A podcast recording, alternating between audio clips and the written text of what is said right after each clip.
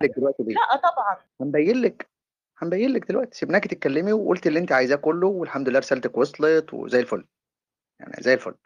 ممكن بقى نوضّح إن كان هي مشكلة نفسية والّا لأ؟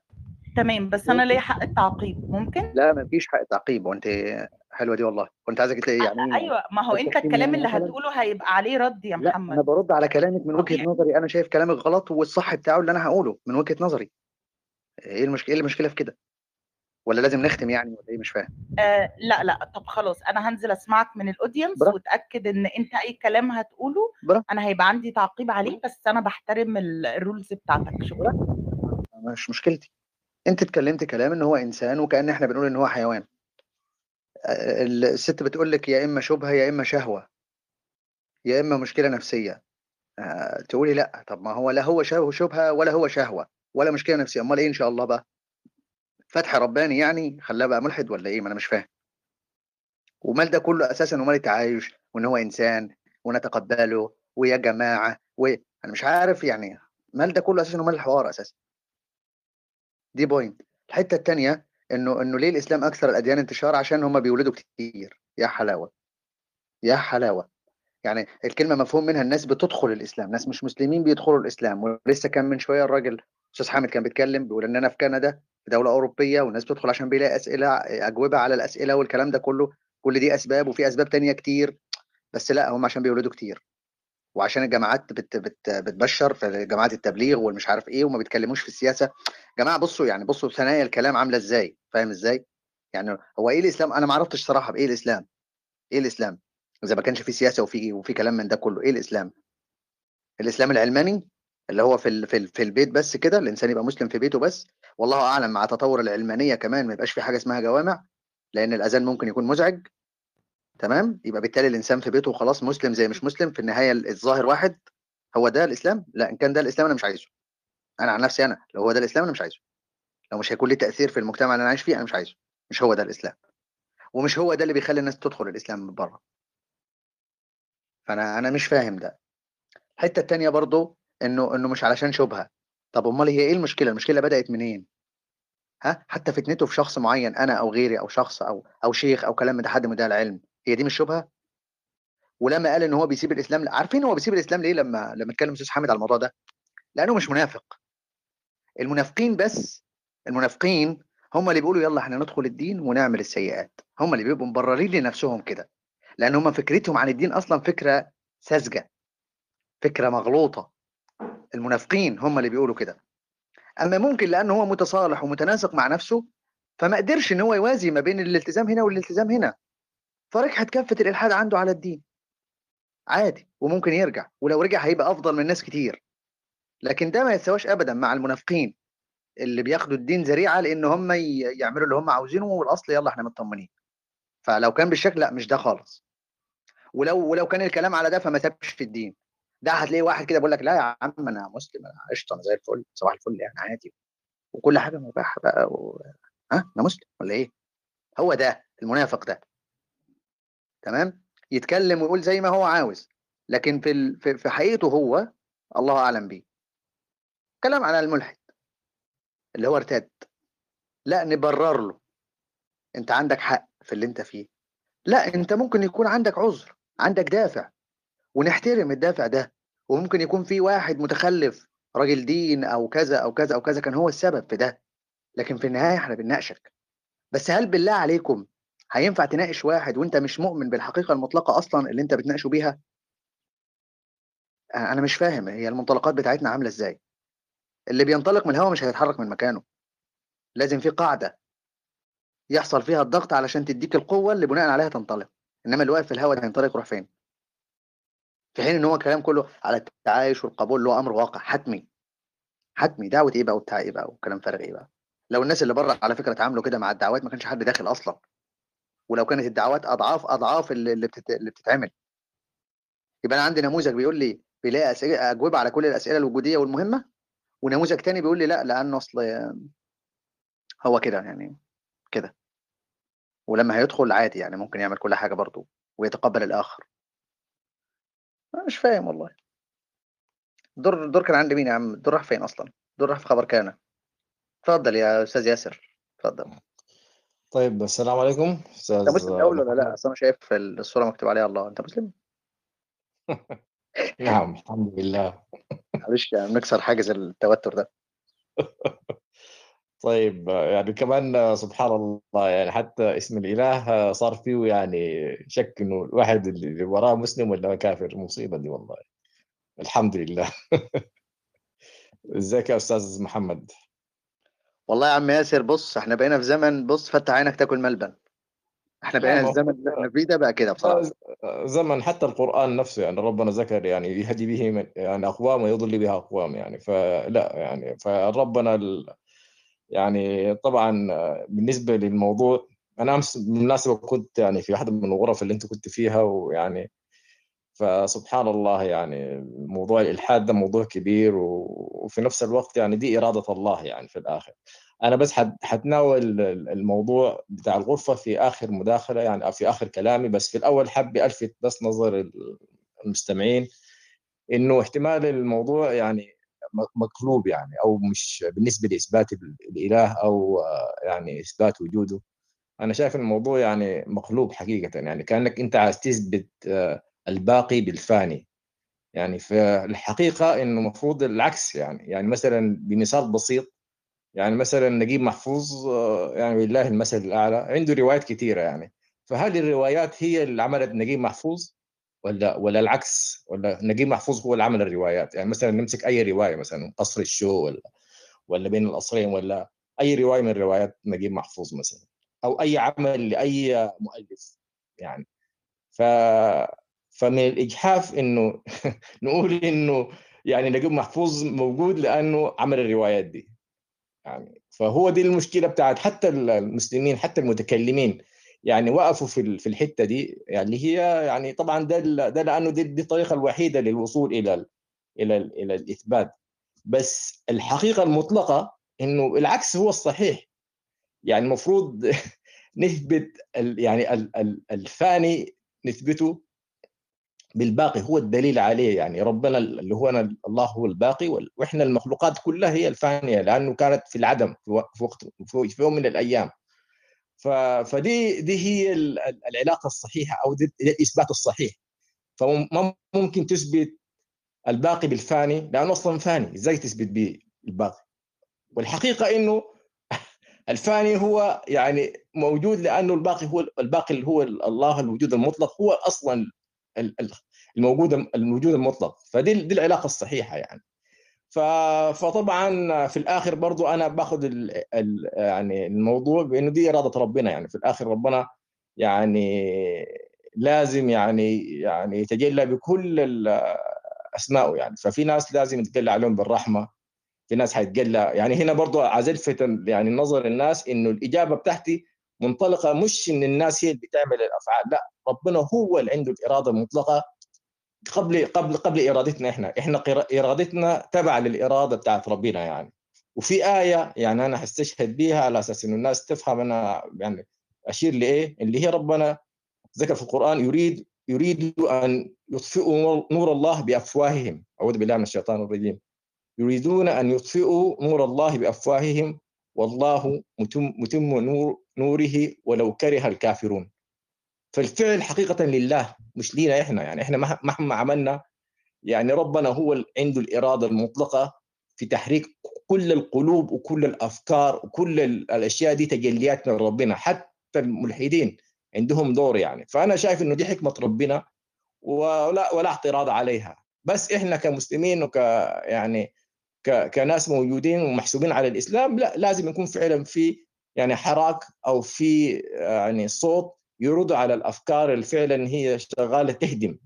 والمشكلة بالنسبة لي يعني سبحان الله الملحد عرف كل حاجة بس ما عرفش الله. يعني دي يعني سبحان الله يعني دي يعني إرادة يعني غريبة من- يعني إرادة مطلقة من ربنا إنه فعلا يعني يحول بين- المرء وقلبه. يعني عرف كل حاجة يعني بس ما يقدرش يعرف إنه هناك في إله. فدي يعني وأنا بالنسبة لي دي قمة الخسران يعني. فبس آه، بالنسبة لل لعنوان ال- الروم بس عاد اشير لحاجات مثلا الناس ما بتنتبهش ليها. مثلا في واحد أسلم بتخيلوا بسبب إيش يعني؟ واحد في أوروبا يعني أصلا هو أوروبي بريطاني شغال في في laundry. أسلم بسبب underwear underwear بتاع أسرة مسلمة. فالإسلام ده يعني حينتشر لأنه هو الحق لأنه هو البضاعة السليمة. لأنه هو اللي بيكمل الخواء الروحي الموجود في في في كل واحد فينا. ففي جزء يعني فاضي. فالمثال البسيط هو مثال يعني لقصة غريبة جدا جدا. يعني ده واحد شغال في laundry وفي فندق يعني تحت الفندق وكل يوم يعني في واحد من الاسر الخليجية بيجيب الهدوم بتاعته يعني. فالراجل ده على مدة أسبوع مستغرب يعني ده ديل بياكلوا إيه؟ ديل ديل بشر زينا. يعني مش فاهم إيه يعني ده. ففي الآخر ما ما, ما قدر يعني يمسك نفسه. سأل. قال له أنتوا يعني أنتوا يعني بتاكل إيه؟ بتعمل إيه؟ يعني مش فاهم. لأنه طبعا يعني حتى النظافة يعني المؤاخذة عرفوا كل حاجة بس سبحان الله لحد دلوقتي الغرب يعني ما عرفش يتنظف من مية. يعني طور في كل شيء إلا الحتة دي ما تطورش فيها. مش عارف ليه والله العظيم يعني أنا أستغرب من الحتة دي. يعني طوروا كل شيء. في كل بيت مسلم موجود. هم لحد النهارده ما فيش في في أوروبا أو في أمريكا أو في أي دولة يعني يعني علمانية أو يعني يعني المهم التقدم الحضاري تقدم في كل حاجة إلا الحتة دي. فأنا بالنسبة لي يعني فعلا يعني فالراجل ده ربنا هداه بأندر ويرز بتاعت أسرة مسلمة. في الآخر أعلن إسلامه لما عرف إنه الطهارة يعني شرح له الراجل كان يعني حصيف الراجل رد عليه قال له إحنا مسلمين عندنا يعني المية دي أهم حاجة من بنتوضا خمس مرات في, اليوم لازم الاستنجاء يعني الطهور بالماء وشرح له الموضوع لحد الغسل وكده فاكتشف إنه يعني يعني فعلا يعني إيه ده إحنا إيه, إيه القرف اللي أنا عايش فيه ده.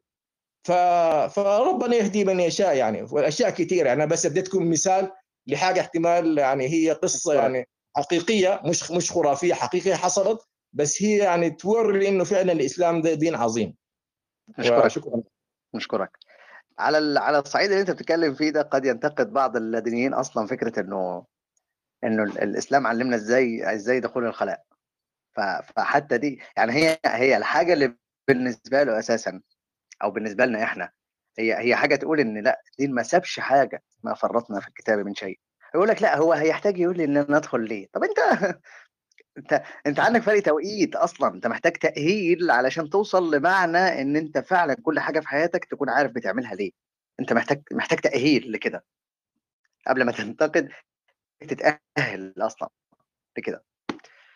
طيب آه، أستاذ ايمن انت اتكلمت ممكن أستاذة مايا مايا؟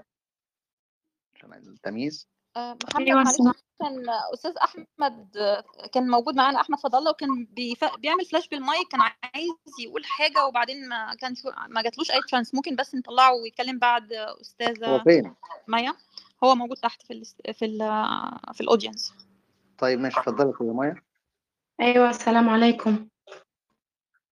وعليكم السلام. يعطيكم يعطيكم ألف عافية. آه، أنا بدي أهنيك صراحة أستاذ محمد على الروم و...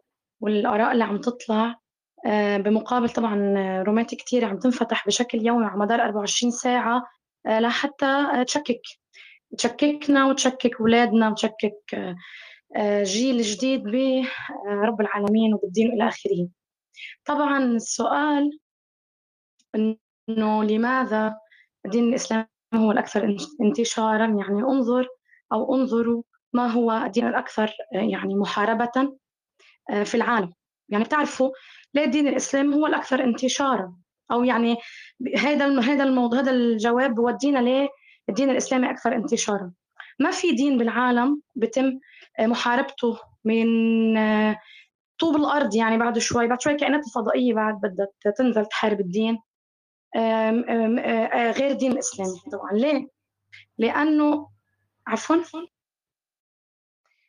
سامعيني؟ تمام تمام. آه ليه؟ لأنه سبحان الله يعني بقية الأديان تقريبا آه، اندثرت هي لحالها يعني راحت. أنا كمان عايشة بكندا. وبعرف إنه حتى الدين المسيحي اللي هو كانت في صبية عم تقول إنه هو آه هو أول شيء أكثر انتشارا طبعا وبعدين آه وراه دغري الإسلام. آه، هو لم يعد معلش لم يعد موجودا. المسيحية ليست أكثر انتشارا هي هم أكثر عددا عددا صح. العدد الإسلامي أكثر 100% انتشارا هو الإسلام. 100% 100% 100% أسفل 100% المحطه أسفل إيه إيه 100% مزبوط 100% إيه إيه أنا هذا ما أقصد. بقصد إنه هو أك هو الدين حتى المسيحي لم يعد له وجود آه، بين ال- بين الناس ولا بنفوسهم ولا بالبراكتيك يعني ممارستهم اليومية ولا نهار الأحد ولا شيء. الكنائس هنا تباع وتشترى آه، يعني وإذا لم تباع وتشترى هي مسكرة ومهجورة يعني. بيلعبوا فيها الأولاد وأوقات بوزعوا فيها مساعدات للعالم وإلى آخره باسم الكنيسة يعني. فسبحان الله يعني ديننا آه، مثل ما قال قبل ياسر هو دين الحق. يعني أنت لما بتيجي بتسأل آه، عن الدين الإسلامي ليه عم ينتشر؟ كأنك عم تسأل مثلا ليش الشمس شارقة؟ يعني بهالبساطة. ليش الشمس شارقة؟ ليه أنتم شايفين الدنيا منورة؟ لأنه في شمس شارقة. لأنه الدين الإسلامي هو دين حياة. رب العالمين فطرنا جميعا وقال يعني يولد الطفل على الفطرة ف- ف- فوالديه أو أهله يهودانه أو ينصرانه. فالحمد لله أنه نحن خلقنا طبعا مسلمين ولو لم نكن مسلمين أو أنا حق يعني عم بحكي عن حالي طبعا ل- بحثت يعني عن الدين الحق. لأنه هو يتوافق مع هو هو هو يعني من صنعني ومن خلقني ومن خلق لي الأرض كلها والسماوات والدنيا كلها قال لي إنه هذا هو دينك وهيدي عباداتك وهيدي آه، أنت شو هدفك إنك جيتي على الحياة؟ وليش رايحة؟ بكل بساطة. فنحن لما بنقول مسلمين يعني نحن آه، سلمنا بنقول سلمت وجهي سلمت فكري سلمت ذكائي الخارق اللي هلأ مثلا كل الملاحد اللي بالكلوب هاوس وملف لفهم من نسويه وشذوذ وإلى آخره آه، ما شاء الله بتحسهم يعني إنه جهابذه يعني هن اكتشفوا اللي ما حدا اكتشفه. عرف عرفت كيف؟ مثل ما قال ياسر إنه اكتشفوا اللي عرفوا كل شيء ولم يعرفوا الله. يعني سبحان الله شوف الرسول الرسول ما كان دارس فلسفة. وما كان دارس علم الكلام ما عرفني شو مناظرات علم الكلام والتخبيص اللي أنا من لما فتح كلوب هاوس صراحة كل يوم بصير عندي هيك يعني بنصدم يعني هيك بحس إنه لوهلي إنه نحن وين عايشين؟ شو هن هدول شو يعني لا أدري؟ شو شو هالاختراعات اللي عم تخترعوها فقط لتظهروا من الدين الإسلامي؟ بدك تظهر من الدين الإسلامي ما بدك تمارس دينك ظهر ما حدا ماسكك بدك ترتد ارتد ما بدك تصلي لا تصلي لا بدك تعبد ما تعبد. اعمال اللي بدك إياه وكلكم آتيه يوم القيامة فردا ما حدا حيتحاسب عنك ولا أنت حتحاسب عن حدا. بس مالك ومال العالم؟ يعني هل أنت هلأ صار بدك تطلع بنظريات وفلسفه وأمم متحدة وقوانين و... و... و... ومستعد إنك أنت قوانين وتخضع للقوانين ولا تخضع لقانون رب العالمين اللي هو خلقك وسواك. وممكن بلحظة صغيرة هيك. بجلطة صغيرة بنقطة صغيرة هيك تمرق بشريانك بدماغك تروح فيها في داهية وبعدين بتقول تكتشف ان الله حق. طيب إنه معقول؟ نحن لوين وصلنا؟ الشيطان لوين وصلنا؟ يعني معقول إنه أنا يعني يعني أحتكم بعقلي؟ لا لا لا أو انتقد بعقل رب العالمين؟ يعني معقول أنا مخلوق وعقلي مخلوق وجسدي مخلوق والدنيا كل الدنيا كلها مخلوقة. فهل أنا صرت أنا بدي أنا بدي شارع وناظر وحاجج خالقي؟ يعني أنا هيدي بعدني لهلأ أنا ما عم بقدر أفهمها. وين صارت هاي؟ هلأ كل صار كل هالمواضيع وكل هال طبعا اللي بتشوفوه الملحد يوافق ما في ملحد إلا ما بي... ما بيناصر الشواذ وما في شاذ إلا ما بيناصر ال- النسوية وهكذا. هن كلهم بوتقة وحدة يعني. وأنا بصراحة أؤمن بنظرية المؤامرة جدا. وأنا بعرف إنه في بعد آه، هالأمور يمكن فات شخص وقال نحن نحن موجودين بمحل مسموح لهم إنه يطلعوا يحكوا. للأسف عم يستعملوا وسائل التواصل بكثرة لأنه ما عندهم بلاتفورم تاني يحكوا فيه. وبالتالي للأسف عم نشوفهم كثير بس هن منهم كتار. ولكن هن لديهم أجندة لديهم أموال ولديهم يعني ممولين وناس تدفعهم وناس تخطط لهم لحتى يطلعوا يشتغلوا هذا الشغل. هن يا أما ناس ارتدوا عن الدين الإسلامي وبالتالي لها في وراء أنا بعتذر لحضرتك هو أنا كان المفروض اقطعك من بدري من بدري من أول ما بدأت تهاجمي الإلحاد. لكن أنت كنت منفعلة فخفت أقطعك تنفعل علي أنا. لا لا تفضل اللي هو إيه اللي هو الفكرة إحنا إحنا يعني لما بنيجي نتكلم أنا اسالك سؤال حتى مع انفعالك ده وأنا مقدر طبعا. بس أنا اسالك سؤال هل إحنا منفعلين أو بنتعامل مع الإلحاد كإلحاد ولا مع تصرفات الملحدين؟ أنا والله والله أنا ما عنديش مش مشكلة.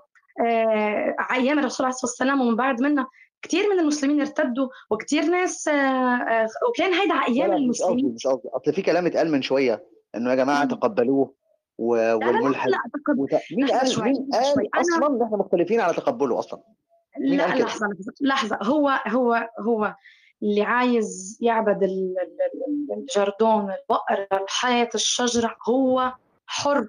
حر أنا مالي وماله بس هو كمان ماله ومالي. يعني عرفت شو قصدي؟ أنا أنت ما إلك أنت تيجي تحاكمني وتحاكم ديني. صار بدك أنت تنتصر لنفسك عن طريق هدم ديني. صار بدك أنت أنه تروج لفكرك الشاذ عن طريق أنه آه، يعني بتعرف اللي هو ما ما ما قدرش على المدري شو بتشطر على هذا طبعا ما حدا بيقدر له ما حدا بيقدر على الدين. ورب العالمين حافظ دينه وحافظ قرانه إلى يوم الدين.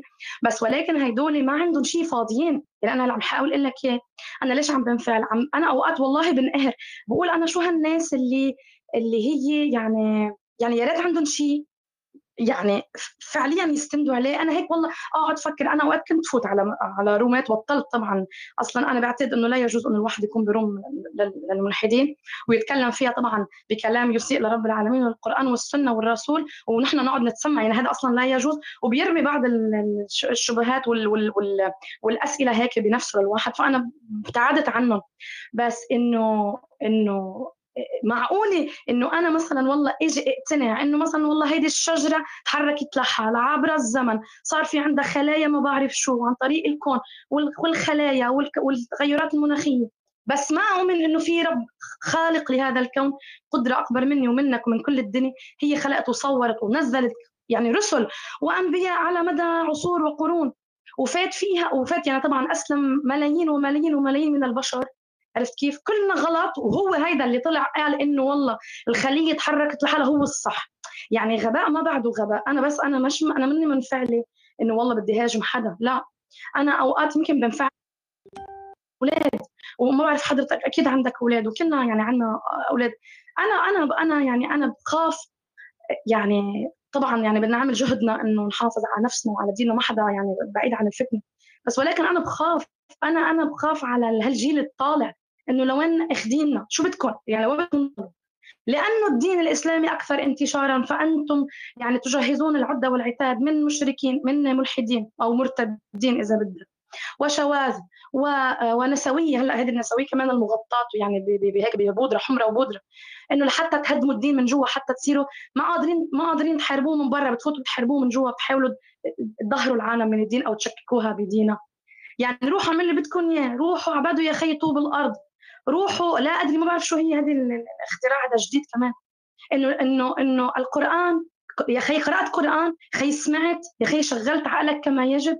طب الرسول آه، ما خلى شيء؟ قال قال أتممت لكم ال- آه، اليوم اليوم أتممت لكم دينكم. يعني لو اللي بده يعرف حياة بيعرفها. واللي بده يعمل حاله أعمى بيعمل واللي بده يعمل حاله أطرش بيعمل.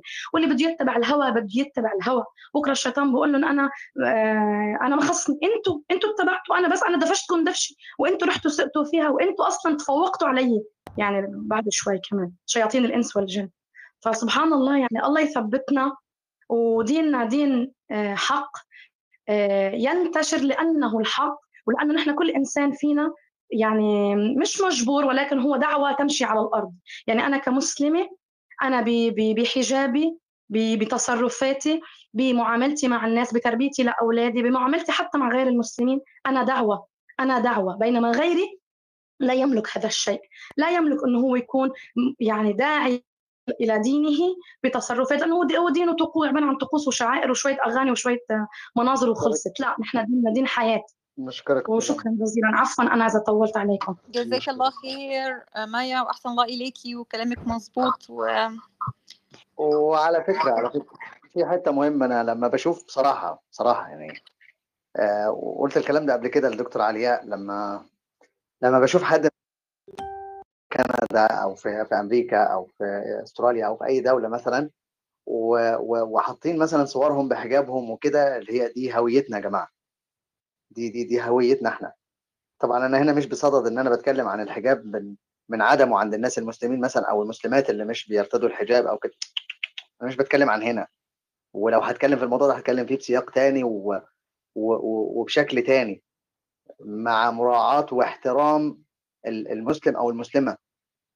ايا كان تصرفه.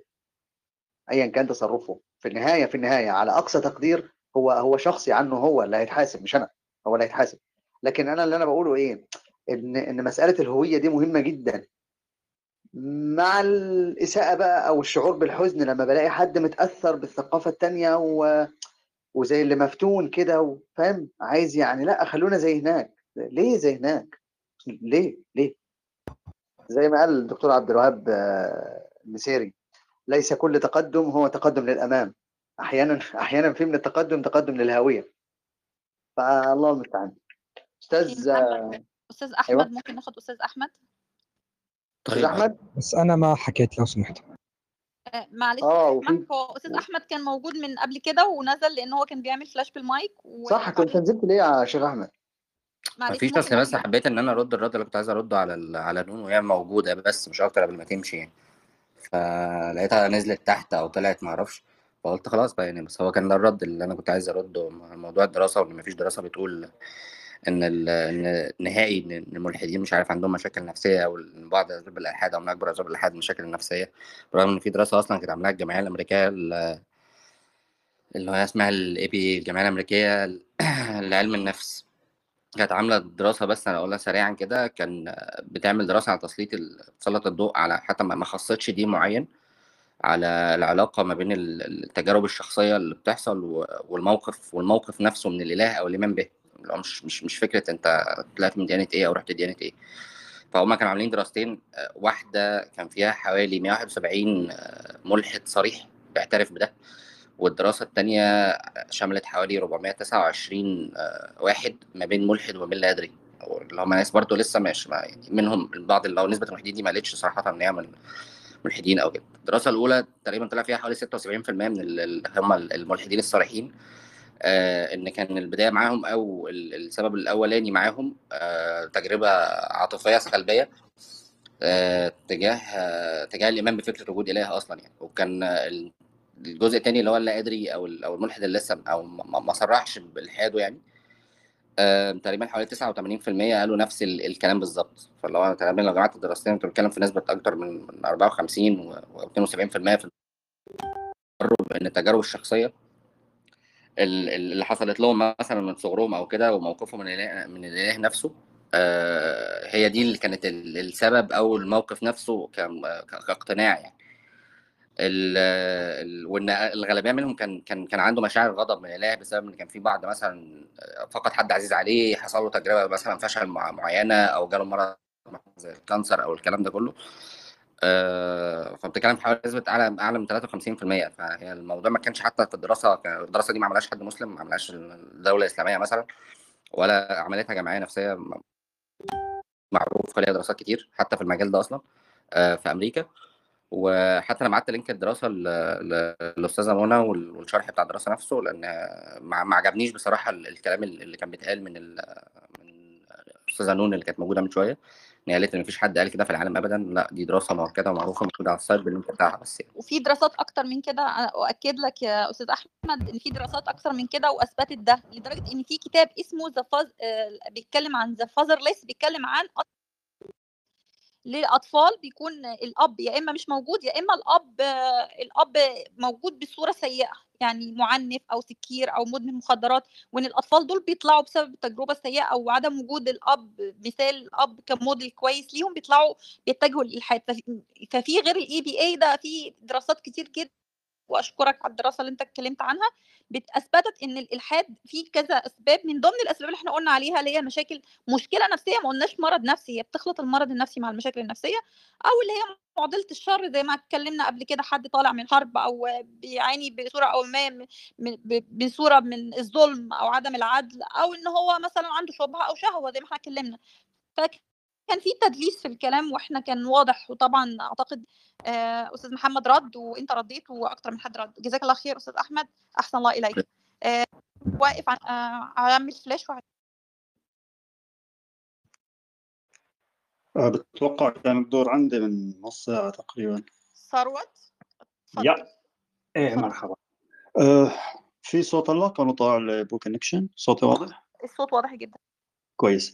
طيب أول شيء إذا كانوا عم تحكوا عن إحصائية وأنا ما بعرف فإذا في حدا بيتكرم علينا هيك يشلف لي الإحصائية على الخاص بكون ممنون. أه، بس بدي أحكي عموما يعني أفكار عمومية ما بتوقع لها علاقة بالإحصائية بشكل مباشر. أول شيء هاي الرده التي لا تذكر. منيح في رده لا تذكر يعني كأنكم ما بتعرفوا الوضع بالإسلام وبالوطن العربي بخصوص الرده يعني. يعني مين هذا اللي بده يكون قاعد ببلد عربي أو مسلم يطلع يقول أنا مرتد يا جماعة؟ يعني كانوا ما بتعرفوا في شيء اسمه حد الرده أصلا بغض النظر عن الفهم والتأصيل يدخل بهاي التفاصيل لكن بالعموم الناس بتخاف سواء لأسباب دينية أو اجتماعية. فالرد لا تذكر آه لا إنه كونها لا تذكر لا يعني انها غير موجودة. مثلا أنا شخص لا ديني لكن ما زلت في السجلات الرسمية مسلم مثل كثير ناس بعرفهم. مثل أغلب الأشخاص اللي بتشوفون هون على كلب هاوس عم يحكوا بتسموهم رؤوس الإلحاد أغلبهم يمكن يكونوا بدورهم لساتهم مسلمين. فهاي في عنا أول مشكلة بالاحصائيه هو عدد الناس اللي تركوا الدين بس لسه ما بنعرفه كونه لا يتم إحصائه. هلا ليش الإسلام أكثر الأديان انتشارا؟ ما بتوقع أن تحكوا عن العدد إنما عن الزيادة. هل هاي الزيادة بسبب مواليد الجدد أو الداخلين للإسلام من أديان أخرى؟ ما راح أعتبر الداخلين للإسلام من أديان أخرى كونه لسه ما شفت الاحصائي. لكن طبيعي طبيعي يعني إذا أخذنا كتلتين بشريتين ضخمتين هن الوطن العربي وأوروبا آه، الأغلب بالوطن العربي مسلمين أو عدد كبير وعدد كبير في أوروبا مسيحيين طيب أي شخص أنا بشوفهم بالشوارع كل يوم بأوروبا واقفين من جمعيه معينه وعم يدعوا على الإسلام عادي مر مرحبا شباب سلم عليهم ضل ماشي بمروا الناس بيحكمون بيأخذوا بيعطوا هل هذا الشيء موجود في الوطن العربي؟ هل بإمكان أي شخص مسيحي أو يهودي أو ايا كان يحط طاولة بنص السوق ويدعي العالم اليهودية أو الالحاد أو أي شيء؟ أكيد لا. فبالتالي يعني زي عدد التبشيرين فهون فينا نتوقع إنه الناس يدخلوا الإسلام في أوروبا أكثر من الناس اللي يطلعوا من الإسلام بس أقول لك أنت مسموح لك على الكلاب هاوس عامل غرف وبتتكلم عن الإلحاد وفي تبشير بالإلحاد. بس عايزة أصحح لك بس التبشير للمسيحيه أو النصرانية الإسلام بنسميها دعوة. بغض النظر الكلب هاوس هلأ كم شخص؟ عبره 200 300 ماكسيموم 500 أنا عم أحكي عن نشاط دعوي في بلد في كتلة بشرية في المليارات أو مئات الملايين فهذا الشيء بيختلف بشكل جذري. هلا أنا كمان باوروبا بعرف ناس مسلمين آه، أوروبيين يعني كانوا مسيحيين ودخلوا الإسلام. خيار روحي ما آه، لأنه هيك يعني قناعه شخصية. وأنا قعدت معهم يعني اللي بيعرفوا عن الإسلام في نوعين منهم. يعني مرة عم نتناقش أنا وشاب مصري آه، بلغة أجنبية عم نحكي بالموضوع الإسلامي هاي الخلافات هو مسلم وأنا لا ديني بس بنحكي بشكل ودي ومعنا أوروبية مسلمة دخلت الإسلام من المسيحيه ما بتعرف إنه كان في شيء اسمه غزوات أو فتوحات أو حروب ما كانت تقتنع إنه محمد عليه الصلاة والسلام كان يقاتل كان يركب بجيش ويطلع. ما كانت تدخل المعلومة براسها. أنا قل لك معلش يعني هو كان رجل سياسي إضافة لأنه نبي. فهي مسلمة ما تعرف هاي المعلومة البسيطة. قسم ثاني كمان موجودين بسوريا يعني أوروبيين دخلوا الإسلام ليقاتلوا مع داعش أو اللي بيدخلوا بالتنظيمات المتطرفه لحظة لحظة لحظة. يا أخوة يا أخوة يا أخوة. السلام عليكم ورحمة الله. أخي بس لحظة شو شو قصدك إنه بي بي بالرسول عليه الصلاة والسلام كان يحمل السيف ويقاتل؟ يعني أنت هون شو عم بتجرب توصل فكرة شو بالضبط؟ هيثم خليه بس يخلص ليه عم بتقاطعه يعني؟ أكتب النقط دي ولو خليه يخلص وهنرد أنا أنا عم بستوضح. رح جاوبك صديقي. قصدي معلومات بسيطة عن الإسلام ما بتعرفها. أنا ما عم بنتقد ولا عم أقول شيء. يعني هو حمل السيف عن قاتل كان رجل سياسي وأنا ما بنقد بهالشيء أبدا. بس عم أقول لك هاي المعلومة البسيطة ما بتعرفها. إيه القسم الثاني قال ما يقاطعني الأخ كان إنه في منهم دخلوا يروحوا يقاتلوا مع داعش أو ينتسبوا لتنظيم القاعدة ولا أي من هاي التنظيمات وهذا بتوقع أنتم بتقولوا عنهم لا يمثلون الإسلام. فموضوع الإحصائيات والأرقام لا يعول عليه. الإسلام نفسه في وقت من الأوقات كان 100 شخص في مجتمع وثني مثل ما يقال. آه، مشاكل ليش بيطلعوا الناس من الإسلام؟ كل المشاكل اللي حكيتها للأسف أنا ما مريت فيها. آه، أبوي إنسان كثير محترم وكان رجل مثقف ما كان يعنفني ما كان يضربني ما كان سكير. الشهوات أنا بالشلة تبعنا أربعة خمسة مسلمين وأنا الوحيد اللاديني هن بيشربوا وهن بيلحقوا البنات وأنا ما بعمل أي شيء من هود لقناعات شخصية. مو لأنه حدا بيأمرني. فما بتوقع موضوع الشهوات. يعني ما حدا بيبيع آخرته مشان شهوة الدنيا. المشكلة نفسي أحد الأشخاص ذكر إحصائية على 100 200 شخص ما بعرف شو لا لا يعول عليها على الأطلاق يعني. فما بعرف لحتى تعملوا دراسة نفسية على كل الملحدين اللي بالعالم أو على شريحة كبيرة وتربطوا بين إنه الإسلام الشخص طلع من الدين. لحظة في نقطه مهمه قبل ما خلصوا هاي آخر نقطه ثروت أنت قلت أنت قلت إحنا قلنا ليه بيطلعوا ليه بيبقوا ملحدين؟ طب أنت إيه اللي مخليك ملحد؟ اتكلم عن نفسك بس. okay بتكلم عن نفسي كون اعطيتيني اتكلم عن بس ثروت ان ان على فكره بقى عشان بس في نقطه في حاجة اسمها speaker corner في ال UK عارفين الدين يمكن أكتر من المسلم الملحدين فانت بتدلس في كلامك ده أنا اسف جدا أو طيب okay اعطيني بس ال speaker corner أنا اسف جدا طيب اعطيني بس. دقيقه دقيقه دلس فيها كمل تدليس اذا تسمح لي إيه، سألتني عن سمون عن السبب الشخصي، السبب الشخصي ببساطه لعدم قناعتي بالأدلة على وجود الله عقليا منطقيا آه، للتعارض بين الدين أو الأديان عموما والاكتشافات العلمية الحديثة وعدم وجود كل هالمتدينين عم يطرحوا ادله وهاي الأدلة أنا حاكم. شفت ترى كافي. يعني هل هاي انت مشكلة؟ بتعرف؟ نفسك كملحد إيجابي positive atheist كونه ما ما بحب هاي التصنيفات فأنا بالنسبة لي ماني مقتنع بالأدلة على وجود الله ما بدي يعني لا. تقتنع بوجود إله اطلاقا مظبوط الأدلة التي قدمت على وجود الله غير كافي وأنا شخصيا يعني لا أعتقد أنه بر- البرهان مطالب فيه أنا أو حتى لو كنت عم قول positive atheist لهيك عم أقول لك أنا ما بقتنع بهاي التصنيفات أو ما بحبها. أنا مجموعة أفكار فقط. أه سألتني عن السبب الشخصي قلت لك إياه وبس هيك آخر نقطة بعرف حالي طولت.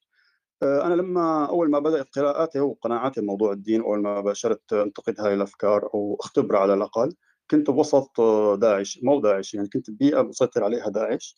فأنا عرفت إنه راح أتأثر فيهم أو راح أتأثر إنه في ناس هني قد يكونوا لا يمثلوا الإسلام وراح يأثروا على قراري. فعملت ستوب قلت ما بدي أتأثر بالمحيط الخارجي بدي الموضوع يكون مرتبط فيني أنا. فمو مثل ما عم تقولوا إنه لأ شافوا المتطرفين أو شافوا الشباب أو شافوا حروب فسبب عندهم ردة فعل لأ ابدا. بالنسبة لي كان بالعكس تماما. وقفت قراءاتي عن الدين صرت أقرأ بالعلم صرت أقرأ بأي شيء. لحتى طلعت وكنت ببيئة مستقرة. صرت أقرأ مشان ما تكون شكرا ثروت بقى؟ يعني بعد بس بعد داعش وظهر داعش أنا اسف أنت. بتقطعوا ليه؟ مش وناس فاهم وفي يعني. ناس لسه بتدخل الدين. أنا آسف جدا يا صاحبي معلش. وناس لسه بتدخل وعارفة داعش اهوت وعارفة كل حاجة.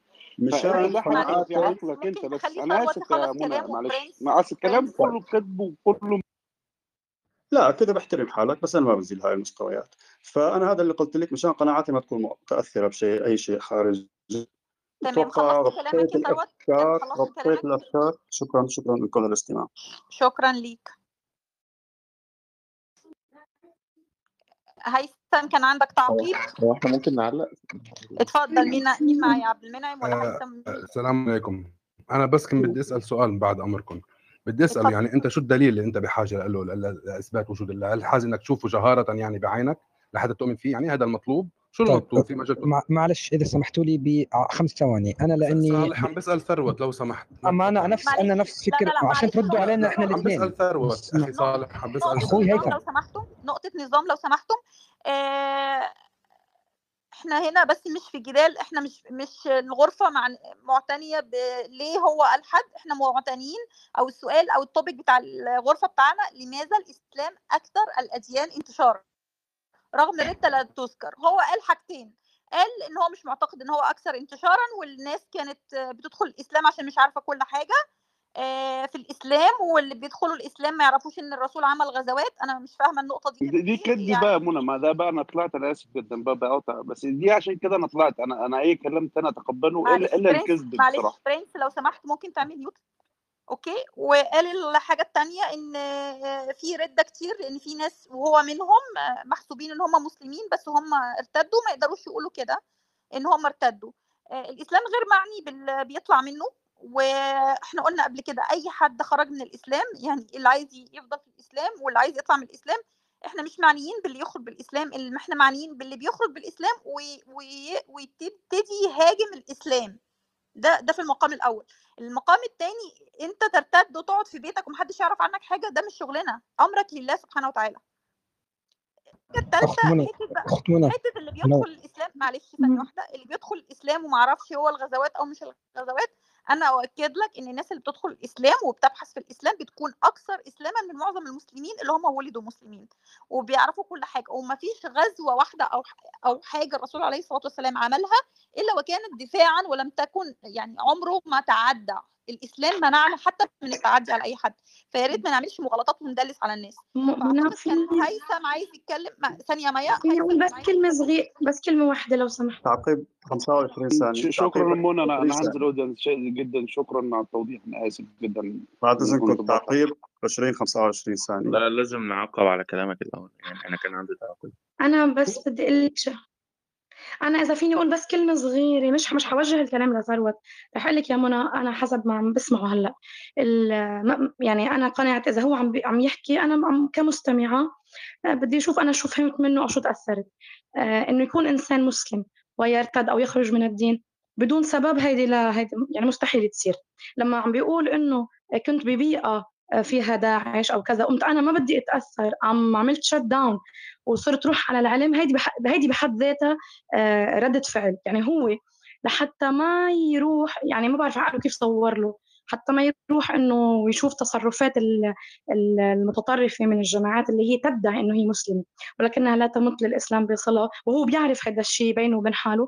قام راح على العلم قام العلم غرر فيه. يعني يعني يعني هيدي هي بحد ذاتها ردة فعل لأنه أنت ما حكيتي قبل شوي وعم ترجع تحكي هلأ وإحنا مش عم بيطلع لنا دور نتفي نحكي كلمة إيه واحدة. بس أنا عفوا أنا بس هيدي مداخلتي وعفوا أنا مش عم باخذ دورك يعني. أنا استأذنت من منى وعفوا على المقاطعة الكلام مش لإلك الكلام لمنى لأنه إحنا مش عم ناخذ ولا نتفي نحكي فيها. يعني. لازم نعقب على الكلام اللي بيتقال. هو عقبوا على كلامنا يعني لو عندي point بتشبه ال point ماشي تاع ممكن تقفل ثروت فأنا حابب ثانية واحدة بس ثانية واحدة كده. هو لا يغرك ال- لا يغرك يعني إن مفيش غير اتنين بس moderator ال room ال room كان ممكن يكون فيها يعني من الناس اللي على ال panel دول دلوقتي كده على الأقل ممكن يكون فيها أربعة غيرنا إحنا. لا م- فمش لا معنى الفكرة مش بعدد ال moderators ال moderators معنى برضه مش طيب مسموح لهم ياخذوا يعني كل طيب ال room كمان الناس ال speakers بدها تحكي لا يعني إذا في جنبه نقطة خضراء إنه مسموح له يحكي متى ما بده لو في 10 moderators. ممكن تسمعني طيب؟ انت إنت لو لو إنت جديد على ال Clubhouse أو ما تعرفش يعني في أي room يا باشا بيكون فيها ناس مسؤولين عنها. الناس دول هم اللي معنيين بأي كلام يتقال وبيردوا عليه بالطريقة اللي تعجبهم. لأن هم أصحاب الروم. هلأ أنا فاهم إني أنا أنا داخل على بيتك أنا فاهم إنه أنا داخل على بيتك لكن أيوه انت لك الحق لك الحق انت اسمعني بس لك الحق أن تطردني من بيتك بس هل هذا لا أخلاقي؟ لا لا لا. طبعا لا. صح؟ لا لا لا فحتى لو الروم بتاعتك ولك الحق تحكي الاخلاقيا تسمح لي أحكي صح؟ طيب هو أنت اولا لسه دورك ما جاش. دوري ما جاش لأنه في ناس تحتي عم تحكي وعم تاخذ دوري وبالتالي عم بتأخر دوري كثير. أستاذة أستاذة مايا بس اللي اتكلمت مايا وهيثم كان بده ياخذ وقت وغيره بده ياخذ وقت هو فلازم أنا سال سألت سؤال أخي وما حدا عينك محامي دفاع عن ثروت أساسا. والبرنس بس أنا بس عشان وقتي بس أنا مش عشان. أنت بدك تسأل فداخلنا في أمور أخرى بس. لو مستعجل ممكن يكون الموضوع مش مهم بالنسبة لك قوي يعني. لو مستعجل وقتك أهم أكيد مش هن... مش هنغصب عليك تخليك. إيه المشكلة يعني؟ يعني اذا يعني لا يا إما خيارين إما إني أنا بضلني أستنى أربع ساعات على على الروم أو إنه ما ثالث. بيطلعليش أعترض. يعني أنت أعطيتني بهدول الخيارين صح؟ لا لا في خيار ثالث. إيه رأيك؟ هقول لك عليه أهو. أيوه أطلع من الروم ان أطلع من الروم. لا لا لا إن أنت تعترض وبالتالي أنا أرد عليك ونقعد نتفاهم حوالي ربع ساعة نضيع الوقت بتاعك ووقت الناس كمان. ده خيار لا ثالث لا انت ما, إحنا مش مضطرين هذا الخيار ما الخيار بتعمله؟ نمشي بالدور. أنت أنت بتعمله أنت بتعمله؟ اهو أنا بعمله بقى أنا أنا شفت الناس اللي بتحكي بس خلص واضح كلامي يعني. تمام. آه عبد المنعم اتفضل في أقل من دقيقة عشان أنت اتكلمت قبل كده. لا في أقل من 30 ثانية. طيب هو بيقول لك آه، ثروت آه، كذا مرة قال آه، غزوات النبي غزوات النبي. فهو المفروض برضو يبين آه، إن ده أخلاقي ولا لأ. يعني هو بي- بيتهم كده وبيرمي حاجات في النص آه، فهو ما يعرفش أصلا يقول إن ده غير أخلاقي. بس يا محمد آه، شكرا على امم شكرا يا سيدي. أنا عايز أفسر الحتة دي بعدين بس زكي يوسف و- وكده عشان تبقى واضحة يعني. يوسف أنا أنا عايز منك مداخلة بس بس بعد ما ناخد اثنين أو ثلاثة من الجماعة كده لأن أنا أظن إن مك... إن مداخلتك مهمة يمكن يمكن تقريبا أهم مداخلة ممكن تكون في الروم كله. أنا ما أعرفش الموضوع عن إيه والله ممكن يكون ما عنديش علم في المسألة أنت ليه افترضت مش تكون علم اهم مداخلة؟ مش علم هو هيكون سؤال بسيط خالص. اتفضل. آه الأول خلينا استاذن من صالح علشان ما يزعلش. تسمح لي يا صالح بمداخلة يوسف؟ هو إيه الموضوع صالح. بس الأول يا خ- محمد خلاص يعني ما أنا أنا ممكن أرجع بعد ربع ساعة على الروم ما في مشكلة. لا لا. أو قول مداخلتك الأول وأنا وأنا متأكد إنك هتفضل تسمع يوسف. محمد أنا بعت بعت ليوسف على الخاص أفهمه إيه اللي حاصل في الغرفة. طيب تمام. آه، اتفضل يا صالح قول مداخلتك بعد إذن محمد و... وابو وأبو بصير. ممكن يا جماعة؟ اتفضل. بس. ممكن يا جماعة؟ ممكن ممكن. أي خدمة عم صالح أو أول شيء شكرا كثير مش بس عشان أعطيتوني المساحة لأحكي لأنه أنا في روم السابقة كنت أشوفك عم تحكي مع الملحدين وكذا. أنا عشان أوضح من البداية أنا لا ديني تمام؟ عشان ما لا أدخل في سياق إني بدي ألف وأدور و... و... وأنافق وأشياء ثانية أنا واضح. لكن أنا بدي أشكرك لأنه الطريقة اللي أنت بتحاور فيها حدا عن جد جاي يناقش. أنا لا أتملقك الآن ولا أجاملك بأي شكل من الأشكال. أنت الآن آه، حدا بده يناقش؟ وسمعت لك حوارات كثير وبتحاور بالحجة والمنطق. وأنا هذا الشيء بيعجبني. عشان هيك أنا بفوت على لما دخلت على ال room وشفتك moderator ضليت واستنيت. لأني بالعادة لما بدخل على الغرف الإسلاميين أنا بشوف الشتم فقط وبطلع. آه الشغلة الثانية آه وأنا أعتذر للأخت منى ما بدي تفهمي سياقي بأنه أنا عم بسألك ولا لا. لو كان محمد مش moderator على الكلام اللي أنت حكيتيه أنا كنت حطلع لأنه nonsense تماما. آه خليني أحكي نقطتي. الأخت منى كانت تحكي على موضوع الإحصائيات وعلى موضوع إنه العلم كان بيحكي هيك. إذا أتيتيني في العلم جئت جئتك في العلم. ونجعل العلم حكما بيننا. فإذا العلم حكم بيني وبينك أنا بدي أجيب لك عشرات الإحصائيات وعشرات الحقائق العلمية التي تتعارض كليا مع الإسلام والقرآن كومبليتلي فإذا أنت بدك تصدق العلم هون ولنفرض إن الإحصائية هاي موجودة أنا لن أكذبك. لنفرض الإحصائية هاي موجودة يعني زي بس زي ما حكى ثروت ممكن معمولة على عدد قليل من الناس وما بعرف شو ال conditions اللي انحطت فيها بس أنا بدي آخذ فيها. أنا راح أجيك باحصائيات وعلوم أخرى كثير تتعارض مع القرآن. تماما؟ فما بصير تأخذ العلم هون كونه آه يؤيد آه آه رغبة عندي إني أنا حابب الملحدين يكونوا مرضين نفسيا فخلاص تمام أتوافق معها. و وتلفي العلم بأشياء ثانية كثير عم بيتعارض فيها مع القرآن. هذا واحد. آه الشغلة الثانية اللي بدي أحكيها إنه آه في تعميم. إنه إنه كل الملحدين هم يبحثوا يعني ما بدي يعني ما حكيت إنكم عممتوا لكن حكيته بشكل عام. يعني الأخ محمد أنت حكيت قبل شوي إنه إن لم يكن من أجل الشهوة أو لشبهة فلماذا هو اذا؟ لا في عادي في زي س... أنا. يعني أنا أحكي لكم شغلة بكل صراحة وعلى الملأ. أنا لسه فيرجن. في حياتي ما نمت مع بنت. في حياتي ولا عمري شربت. إلى أربع سنين تارك الإسلام.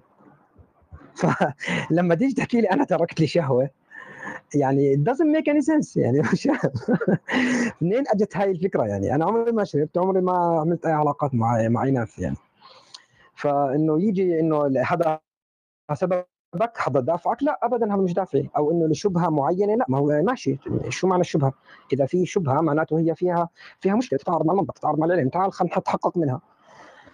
آه بس الفكرة الأساسية اللي أنا بشوفها بتغيب نوعا ما. لما نفوت بالنقاش وأنا لا أعفي الملحدين أو اللادينيين لا نعفي أنفسنا من أنه الوقوع حتى في هذه المشكلة. آه المشكلة هي أنه لازم نفهم أنه البينة على من ادعى. يعني ما بزبط أحكي لك إنه خالق إله الكون هو مو هو عبارة عن كائن عايش في البحر في المحيط الهادي. وتحكي لي اثبت وجوده يا صالح. أحكي لك لا أنت اثبت إنه مش موجود. لا لا أنا اللي ادعيت. أنا أنا صاحب ادعاء. فكمسلم أو ما, بدي يعني شخصا الموضوع كشخص مؤمن في أي ديانة بس كون الغرفة عن الإسلام أنت اللي بتآمن إنه في حدا فلق البحر أنت اللي بتآمن إنه في حدا أحيا الموتى أنت اللي بتآمن إنه في وحده حملت من غير زواج أنت اللي بتآمن إنه في واحد وقع في نار لو مرق من فوقها الطير لنزل مشويا وما ماتش. أنت اللي بتآمن بناس ناموا 309 سنين وحدا سخر له الريح بتجري بامره ونمله بتحكي. وإلى اخره أنت اللي بتآمن بكل هذه القصص. فأنت اللي عليك الحجة أنت اللي عليك البرهان. انت اللي لازم تقدم لي هاي الأدلة. الأخت مايا حكت شغلة معينة إنه في في نوع من التسخيف حتى. يعني إذا أنت ما عندك ما عندك علم شيء في شيء معين لا تحكي فيه قبل ما يعني ما يكون عندك علم فيه. في نوع من التسخيف زي مثلا إنه الملحدين بيحكوا إنه في خلية وتحركت من مكانها. لا لا عمره ما حدا حكى هيك. يعني مين اللي فهمك هذا الحكي؟ 30 ثانية؟ آه تمام. تمام هيك سامعيني؟ لأنه عم بيعطيني poor connection سامعيني؟ تمام مسموع. تمام. آه بس يعني في نوع من التسخيف إنه هدول الناس عندهم فكرة مو إحنا ما عندنا ديانة. يعني إحنا ما عندنا كتاب فيه instructions بيحكي لنا لازم تعملوا واحد اثنين ثلاث. فلو أنت مثلا وفي مغالطة أنا كثير بشوفها أنا يعني اعتذر على الإطالة إنه بيجي حدا بيحكي لك ريتشارد دوكنز حكى كذا هذا إله زعيم الملحدين فبالتالي إذا أنا فندت فكرته معناته أنا يسقط الإلحاد بعدها. لا لا. إحنا ما عندنا كتاب وفي رمز وفي حدا له قدسية واذا ضربت هذا الرمز يضرب الديانة كاملة. إحنا ما عندنا هذا الحكي. لن تجد اثنين لادينيين في العالم يؤمنوا بنفس الفكر. مستحيل. لأنه إحنا ما عندنا instruction نتبعها نهائيا. فلا تيجي تعمم بإنه خلص أنتم كلكم بتحكوا هيك فإذا ضربت هاي الفكرة كل الملحدين في العالم أغبياء أو غلط. ما لهاش علاقة. واعتذر على الإطالة. تمام ولا يهمك. نبدأ من حيث انتهيت اولا لما بنتكلم على لما حد بيجي. أنا طبعا ضد ده أساسا يعني. حتى عندنا في القرآن يعني ولا تزر وازره وزر أخرى. ولا تزر وازره وزر أخرى. آه ف ف ف وعندنا حتى كل نفس بما كسبت رهينة. فموضوع إن فلان قال فبالتالي أنت كده لأ مش كده. هو منطق حتى اللي بيقولوا بال... بالكلام ده آه منطلقين من إنه آه أنت مش هتزايد على ده. اللي هو هو سقفه أعلى منك سواء علميا أو حتى. من حيث الشهرة وال... وال... والكلام ده. فالسقف بتاعه هو أكيد أكيد أعلى منك. ولذلك هو المصدر في المشهد دلوقتي إن هو زعيم الإلحاد أو الناس بتروج له على انه هو كده أو هو اللي قائد الموجة أو أو أي مكان فباعتبار إن أنت مش هتعلي عليه فهو بيجيب لك أعلى حاجة عندك طيب. فاهم؟ دي دي دي نقطة الكلام. وإن كنت أنا مش متفق طبعا معاه بس هي حاجة مش عندي. يعني ما حدش ملحد قال في الدنيا انه ريتشارد دوكنز هو يمثلني. بقول لك سبب الكلام. وإن كنت أنا مش متفق مع ده أصلا. أنا عندي أكلمك أنت أفضل من إن أنا أضرب أمثلة بدوكنز أو هوكينج أو أو غيره يعني. تمام؟ شكرا. للاتفاق الثانية آه أنت بتقول إنه في في في أنا ممكن أجيب لك على الطاولة العلمية وأقول لك إن إن اللي دعيت وإن واحد فلق البحر واتكلمت عن المعجزات والكلام ده كله. نفس الكلام ده نفس الكلام ده هيرتد آه عليك أنت بدون يعني بدون أي مجهود. اولا اولا لو تزعم إن في حاجات تخالف العلم لو تزعم إن في حاجات تخالف العلم فأنت عادي جدا ببساطة شديدة تقدر تجيب مثلا لو كان في حاجة من آه الفيزياء مثلا تمام؟ حاجة في مجال الفيزياء تخالف ال تخالف ال القرآن فتقدر تجيب واحد متخصص في الفيزياء مسلم وتناقشه تقول له تعالى لي هنا تعالى لي أنت إزاي مسلم وعندك ده؟ فإحنا عندنا هنا مثلا دكتور محمد الشمري تمام راجل متخصص في الفيزياء الكونية. آه عندنا دكتورة علياء دارسه مثلا للتطور. وإن كنت أنا على المستوى الشخصي آه يعني أتوسم فيك إنك تتقبل رأيي في دي زي ما تقبلت رأيي لما اتفقنا قبل كده. آه أنا شايف إنه أي حاجة سواء فيزيائية أو أو كيميائية أو أي تخصص معين هو مش هيعارض الدين فكرة الدين نفسها هو مش هيعارضه. لكن أعترف إن هو ممكن يعارض تصوري أنا عن الدين أو يعارض تصورك أنت عن الدين ده. فالتصورات مش هي الدين. تمام؟ ولذلك في جميع المجالات على على وش الدنيا كلها فيها ناس مسلمين ومسيحيين ويهود وملحدين و و و إلى آخره. فبالتالي الحقيقة العلمية نفسها ما تعارضتش ابتداء مع الحقيقة الدينية. دي اولا. تفسيرات والكلام ده كله أهلا وسهلا. أنت بتغلط وأنا بغلط وكله بيغلط. فالاستدلال من منشأه أصلا خطأ. تمام؟ أما الدعوة بإنه حصل معجزات وكلام من ده الرد عليها من وجهين. الوجه الأول ان أنت ما توصلتش لأنه في إمكانية إن دي تحصل. أقصى ما يمكنك إن أنت تقوله تقول أنا ما توصلتش علميا لأنه في إمكانية لأن حاجة زي كده تحصل. تمام؟ ولو قلت لي لا ده حاجة مستحيل تحصل ما تقدرش تثبت إن ده مستحيل لأن لو رجعنا ألف سنة لورا فكان هيكون مستحيل أصلا للناس إن هم يكون عندهم تصور عن الفوتون والإلكترون والكوارك والكلام ده كله. أنا أتفق بشدة. أنا أتفق بشدة على على فكرة إنه الأشياء المذكورة والمعجزات المذكورة في القرآن علميا في المستقبل ممكن ممكن. هلأ زمان لو حكينا عن حدا بيطير ما كانوا حيصدقوه. بس هسه ممكن تحط له فلاينج جت ويطير. أنا أنا أتفق. بس بس الفرق, الفرق. بس أقول لك الفرق فين؟ أقول لك الفرق فين. لما تسمع الوجه الثاني من الرد طيب. آه. لما تسمع الوجه الثاني من الرد إحنا مش بنستدل على الناس بنقول يا جماعة تعالوا آه في واحد فلق البحر وده دليل على وجود الله. أكيد أكيد إحنا مش سذج لأ الأدلة على وجود الله تمام؟ آه معول عليها المعجزات دي. يعني بمعنى صح إيه؟ إحنا ما كانش لنا سبيل إن إحنا نصدق بالمعجزات دي إلا إذا صدقنا أساسا بالبناء العقل المنطقي بالنسبة لنا إنه فعلا في إله وإن محمد بن عبد الله ده رسول وإنه صادق وكان مشهود له بالصدق وإنه كان أمي وأتى بكتاب معجز كان معجز حتى للعرب وتحدى فيه وتحدى بعشر سور وتحدى وتحدى بالقرآن ورفع سقف التحدي خالص خلاه بصورة واحدة من مثله. والتاريخ والسير والكلام ده انت هتسمع يوسف دلوقتي اللي جنبي فوق ده الراجل يوسف ده يوسف ده كان ربوبي. وأكيد قبل ما كان يبقى ربوبي كان كان كان ملحد مثلا. وكان له مناظرة هنا شهيرة. لأن الشيطان بيحب الإنسان أكتر من الله. كيف ذلك؟ الشيطان بيقول لك تعيش حياتك. إحنا عندنا سبع مبادئ عقائد واخدينها من الإعلان العالمي العالمي لحقوق الإنسان. لو كمسلم أنا مستغرب من ده إن إزاي دي تكون دليل له إن هو يدخل إزاي؟ أصلا هي بالنسبة لي أنا مطعون فيها كمسلم تخيل؟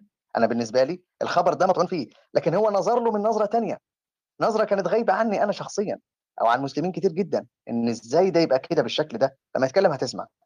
الحتة الثانية إن أنت لما بتاخد بالمعجزات دي هي معولة على ما هو مثبت عقليا أساسا في الأول. فبالتالي لو أنت آمنت بإن في بناء على دليل عقلي معين أو دليل نقلي مثلا أو أي دليل المهم إن أنت في دليل عندك دلوقتي إن الكتاب ده كتاب الله أو إن الكون ده ليه خالق. فاللي اللي ثبت صدق صدق سنده أو صدقه إن هو وحي من الخالق فبالتالي أنت مش هتستعصي عليك تقبل إن الخالق يستطيع أن يفعل هذا الأمر من المعجزات. مش هتكون حاجة صعبة. وإلا فأنا وأنت وكتير جدا من أو الناس كلهم تقريبا مؤمنين إن ال singularity اللي هي أقرب ما يكون للعدم جاء منها كل الكون ده بالذرات والمجرات والكرة الأرضية والشمس والنجوم وال... كل ده من ال singularity اللي هي أقرب ما يكون للعج... لل- للعدم. عقليا ده مش متصور حرفيا ده عقليا مش متصور.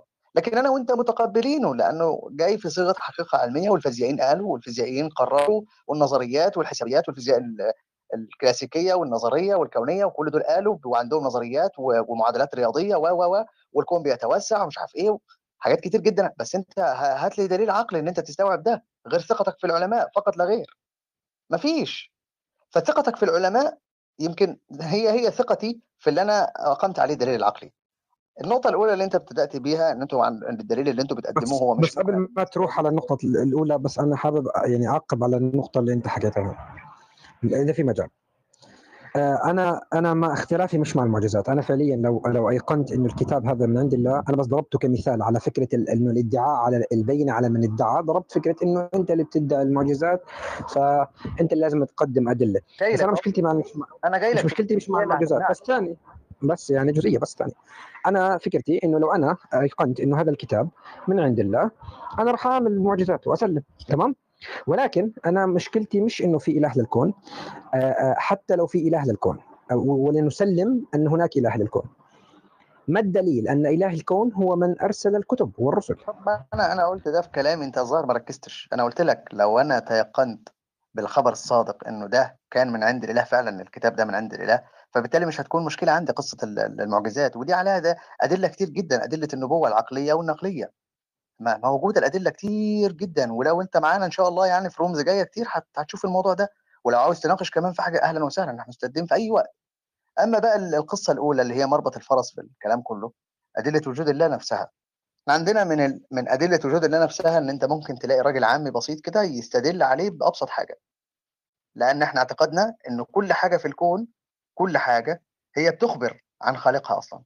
ولو تتبعت أي حاجة أو أي ظاهرة معينة أنا اتفق أتفق على فكرة الاله أنا من الناس اللي دائما بحكي إنه يمكن كبشر قدرتنا بس على سؤال أنفسنا. من خلقنا؟ قد تكون هذه هي الدليل على وجود الاله بس just simple as that. ممكن بس قدرتنا على سؤال حالنا. مين خلقنا؟ يمكن هذا شيء حطه فينا الإله لنستدل عليه فيه. أنا ما عندي مشكلة في هذا الحكي. أنا يعني أنا قريب جدا أنا قريب جدا من الربوبية يعني. أنا قريب جدا من الربوبية. أنت أصلا كده بتتكلم عن دليل. يعني اللي أنت بتقوله ده أصلا هو ليه أصل. ده الدليل اللي اسمه الدليل الأنطولوجي. تمام تمام. بقول لك أنا قريب جدا من الربوبية فلن اللي نتكلم في أدلة إثبات الإله. أنا أريد أدلة إثبات الأديان. أنا جاي لك أهو. جاي لك أهو. اللي هو الدليل الأنطولوجي اللي أنت بتتكلم عنه ده إن الإنسان بينطلق من النقص اللي عنده هو فبيكون عنده في الذهن حاجة آه، في الذهن حاجة بتتكلم عن الكمال فكرة الكمال نفسها. فالكمال اللي موجود ده اللي هو مطلق القوة ومطلق ال- الحكمة ومطلق كل شيء الكمال بمعنى كلمة الكمال في كل شيء تمام؟ الفكرة دي نفسها مستحيل مستحيل تكون موجودة في عقل الإنسان أو في ذهن الإنسان إلا إذا كان لها وجود حقيقي. اما هو مش ممكن. أنا اللي أختلف معك فيه هون بحب إنه أنا لا ما بحكي عن فكرة الإله بفكرة الكمال. أنا لما بسأل حالي من خلقني هذا قد يكون دليل على وجود صانع ولكن لا يعني ابدا أنه مطلق الكمال ولا أشعر أنا إني بحاجة لإله مطلق الكمال عشان بس أوضح هنا هنا بيجي دور العقل بقى في إنه هو يفند الكلام ده كله إنه هل فعلا لازم يكون مطلق الكمال ولا لا؟ ده هو عقلا لازم يكون مطلق الكمال عقلا لازم يكون مطلق كل مطلق الكمال في كل شيء. كل الصفات صفات الكمال كلها لازم يكون مطلق فيها عقلا مش نقلا كمان عقلا. لأنه لو كان لماذا نقص أساسا لو كان في أي نقص ما فيش نقص إلا إلا ما عب إلا ما إلا ما عبر فيه عن افتقار لشيء معين. فاللي مفتقر لشيء معين مش ممكن يكون هو مصدر الكمال لكل شيء أصلا. طب أديك مثال أديك مثال. إحنا كبشر كاملين لا مليان نواقص صح؟ عموما ولكننا عموما. استطعنا مثلا أن نخلق الروبوتات. صنعنا الروبوتات صح؟ عموما. الروبوتات نفسها ما فيهاش حياة. لا لا لا ما هو ما يعني هندخل في قضية أخرى أخرى تعريف الحياة. يعني أنا بس قصدي إحنا ناقصين ولكننا استطعنا خلق كيانات أقل منا قدرة اللي هي الروبوتات صح؟ لا. هذا لا يعني كمالنا ابدا. فالإله ممكن يكون خلقنا أقل منه قدرة ولكن لا يعني كماله. خطأ. أنت مؤمن أنت مؤمن بأن الكون ده ما كانش موجود قبل كده ومؤمن بأن وجودك ما كانش قبل كده. ومؤمن بإن الصور اللي موجودة في الكون دي كلها ما كانتش موجودة قبل كده. حرفيا الصور اللي موجودة في الكون ما كانتش موجودة قبل كده. ففكرة ال ال ال ال ال ال الإيجاد من العدم دي بالنسبة لك أنت لأ أنت لا يمكن لا يمكن أن توجد. مش ممكن مش ممكن. حتى بخيالك تعرف؟ حتى بخيالك مش ممكن توجد حاجة فيه من العدم. بمعنى إن أنت ممكن تسرح بخيالك لأي صور معينة. صدقني وجرب وأنا أتحداك في ده مش حقدر أتخيل أي شيء خارج ادراكي بعرف. الله ينور عليك. فبالتالي ما فيش مقارنة أساسا المقارنه فاسدة. لكن عشان ما أطولش على الناس أدلة وجود الله كتير جدا أكتر مما تتخيل. حلو؟ ولو عايزين نناقش فيها من هنا للصبح نناقش فيها وباكتر من طريقة وباكتر من صيغة وباكتر من أسلوب. لكن يا كابتن أنا بعت لك على فكرة مايك وأنت كنت فوق على ما أعتقد. مش عارف. لكن الفكرة فين؟ الفكرة إن أنت بتخلي معيار الصحة من الخطأ هو الاقتناع من عدمه اطلاقا.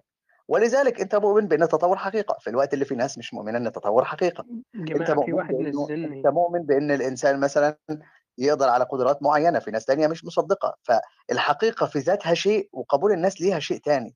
لكن اللي نتفق عليه إن أنا وأنت مش معيار للحقيقة. ده اللي نتفق عليه ابتداء صح أنا أتفق عليه. بس أنا في عندي لو كده لو كده شرفنا في أي روم يسعدك. بس أنا عندي عندي يعني ملاحظة أخيرة. اسمح لي. ألو؟ معاك. آه ملاحظة أخيرة اسمح لي. أنا بس على فكرة إنه الإنسان لا يستطيع أن يدرك شيء غير الصور الموجودة. هاي نقطه اساسيه أصلا في الاختلاف مع جوهر الأديان. تمام؟ مش جوهر الإله جوهر الأديان. يعني لو حكيت لك أعطيني لون غير الألوان السبعة ما في إنسان على وجه الأرض حيعطيك لون جديد غيرهم. ليش؟ مش درجة بينهم. أنا لا أقصد درجة بين اللونين أقصد لون جديد. مستحيل. ليش؟ لأنه خارج إدراك عقلي خارج قدرتي. وأنت كشخص من حواراتك بفهم إنك مقتنع بفكرة ال Big Bang theory وإنه كل شيء يعني نشأ لحظة قبل 13.8 مليار سنة. فهون في جزئية كثير كثير مهمة. على فكرة ال Big Bang theory ملهاش أي علاقة أساسا باستدلالنا. إحنا عندنا المتكلمين ولا لا لا لا لا أنا لا أنا مش مستدل أنا بس عايز أوصل لنقطة. يعني كونك أنت مقتنع حدوث العالم دي منتهية من من قديم الأزل يعني مش مستنيين إحنا ال Big Bang أصلا. تمام تمام تمام. بس أنا أنا يعني اللي بدي أحكيه كونك أنت مقتنع في هذه النظرية أنت بتعرف إنه الزمان والمكان نشأوا لحظة نشوء الكون. كل اللي انت. بتتكلم فيه ده كيفية. ملوش أي علاقة بالبحث. تمام. أنا بس اسمعني بس اسمعني. أنا مش هاي البوينت اللي أنا عايز أوصلها بس افهمني لحظة.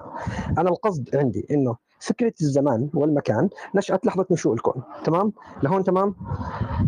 فكون الزمان نشأ لحظة نشوء الكون أنا ما بزبط أحكي شو كان قبل نشوء الكون لأنه كلمة قبل خاطئة. لم يكن هناك زمان حتى يكون هناك قبل. وما بزبط أحكي شو في خارج الكون ماذا يوجد خارج الكون لأنه فكرة ال space خلقت لحظة خلق الكون. يوسف لما تتكلم قبل ما تبدأ في ال في ال قبل ما تبدأ في الكلام آه بكلمني عن عن الأسبقية أو أو السبق اللي هو السبق اللازماني. تمام؟ أنا تمام. حلو. بس أنا عايز التقدم في اللازمان آه على بتكلم عن دي كده وكمل كلامك. تمام؟ تمام. البوينت تاعتي البوينت تاعتي أخي محمد إنه إذا أنت حكيت إنه الإنسان لا يستطيع أن يدرك شيء لم يختبره قبل هيك أو يراه. لا يستطيع أن يدركه. ماذا لو؟ ماذا لو؟ من أوجد الكون؟ ماذا لو؟ أيوه. شيء من خارج إدراكي. يا سلام. يعني ماذا لو؟ ماذا لو؟ ما أوجد الكون. أيوه. ليس ألو... ماذا لو هناك شيء آخر غير فكرة الوجود والعدم؟ لا أعلم ما هي. شيء آخر غير الوجود والعدم. لماذا يعني بنحط حالنا بين هذول الخيارين إما الوجود وإما العدم. لماذا نضع نفسنا اسمعني بس لماذا نضع نفسنا بإما أن يكون هناك مسبب أو أن لا يكون هناك مسبب ويكون شيء يعني بدون لا يحتاج إلى علة؟ ماذا لو هناك فكرة أخرى؟ أنا لا اعلمها مفاد كلامك على فكرة. أنا لو شخص نيتي سيئة صدقني أنا ممكن أستغل الكلام بتاعك ده في, حاجة مش حلوة. وما أعتقدش انك هتكون مرتاح وأظن إن في ناس هنا عارفين إن أنا أقدر أعمل ده. لا لا معلش معلش أنا أنا حابب تحكي عادي ناقشني أحكي بدك إياه أنا بيسعدني يعني. يا أستاذي هنا هنا في تخبطات في الطرح ده. في ليه؟ تخبطات الموضوع كده هياخد سياق تاني خالص. وهقول لك إن اللي أنت بتبني عليه الافتراض أصلا اللي أنت بتفترضه ده مش صحيح. يعني أنت بالله عليك أنت بتتناقض في الدقيقة الواحدة. أنت بتتناقض في الدقيقة الواحدة من من قبل ما تتجاوز الدقيقة بتتناقض. من ناحية بتستدل وبتقول ال- الزمان والمكان بدأ مع السنجولاريتي صح كده؟ مع مع بداية التوسع. ومع ذلك في نفس اللحظة في نفس الدقيقة بتتكلم بتقول لي إيه؟ ماذا لو كان؟ كان مين؟ كان دي في الماضي برضه زيها زي قبل اللي أنت اتكلمت عنها. أنت بتمسكني في اللغة بقى.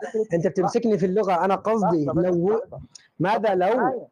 خليك معايا. أنت لسه ما استوعبتش فكرة التقدم في ال- التقدم بلا زمان. لسه ما يعني ما ما ما ما اتكلمناش مثلا عن التقدم بالرتبة. تمام؟ آه عشان أكلمك في ده لازم لازم أنت يكون عندك تصور أصلا عن فكرة الوجود نفسها وأقسام الحكم العقلي فيها إيه وإيه المستحيل فيها وإيه الممكن وإيه الواجب. فالموضوع مش افتراضات كده وخلاص يلا اضرب في, البخت. مش كده خالص. لو الأدلة قايمة على الافتراضات شكرا صباح الفل. مفيش أدلة أصلا. فالله يكرمك يعني. أنا ما قلتش كده. أهو. بص لي أنا وعدك. وعد شخصي. إن شاء الله بإذن الله. بكرة نفتح room الصبح.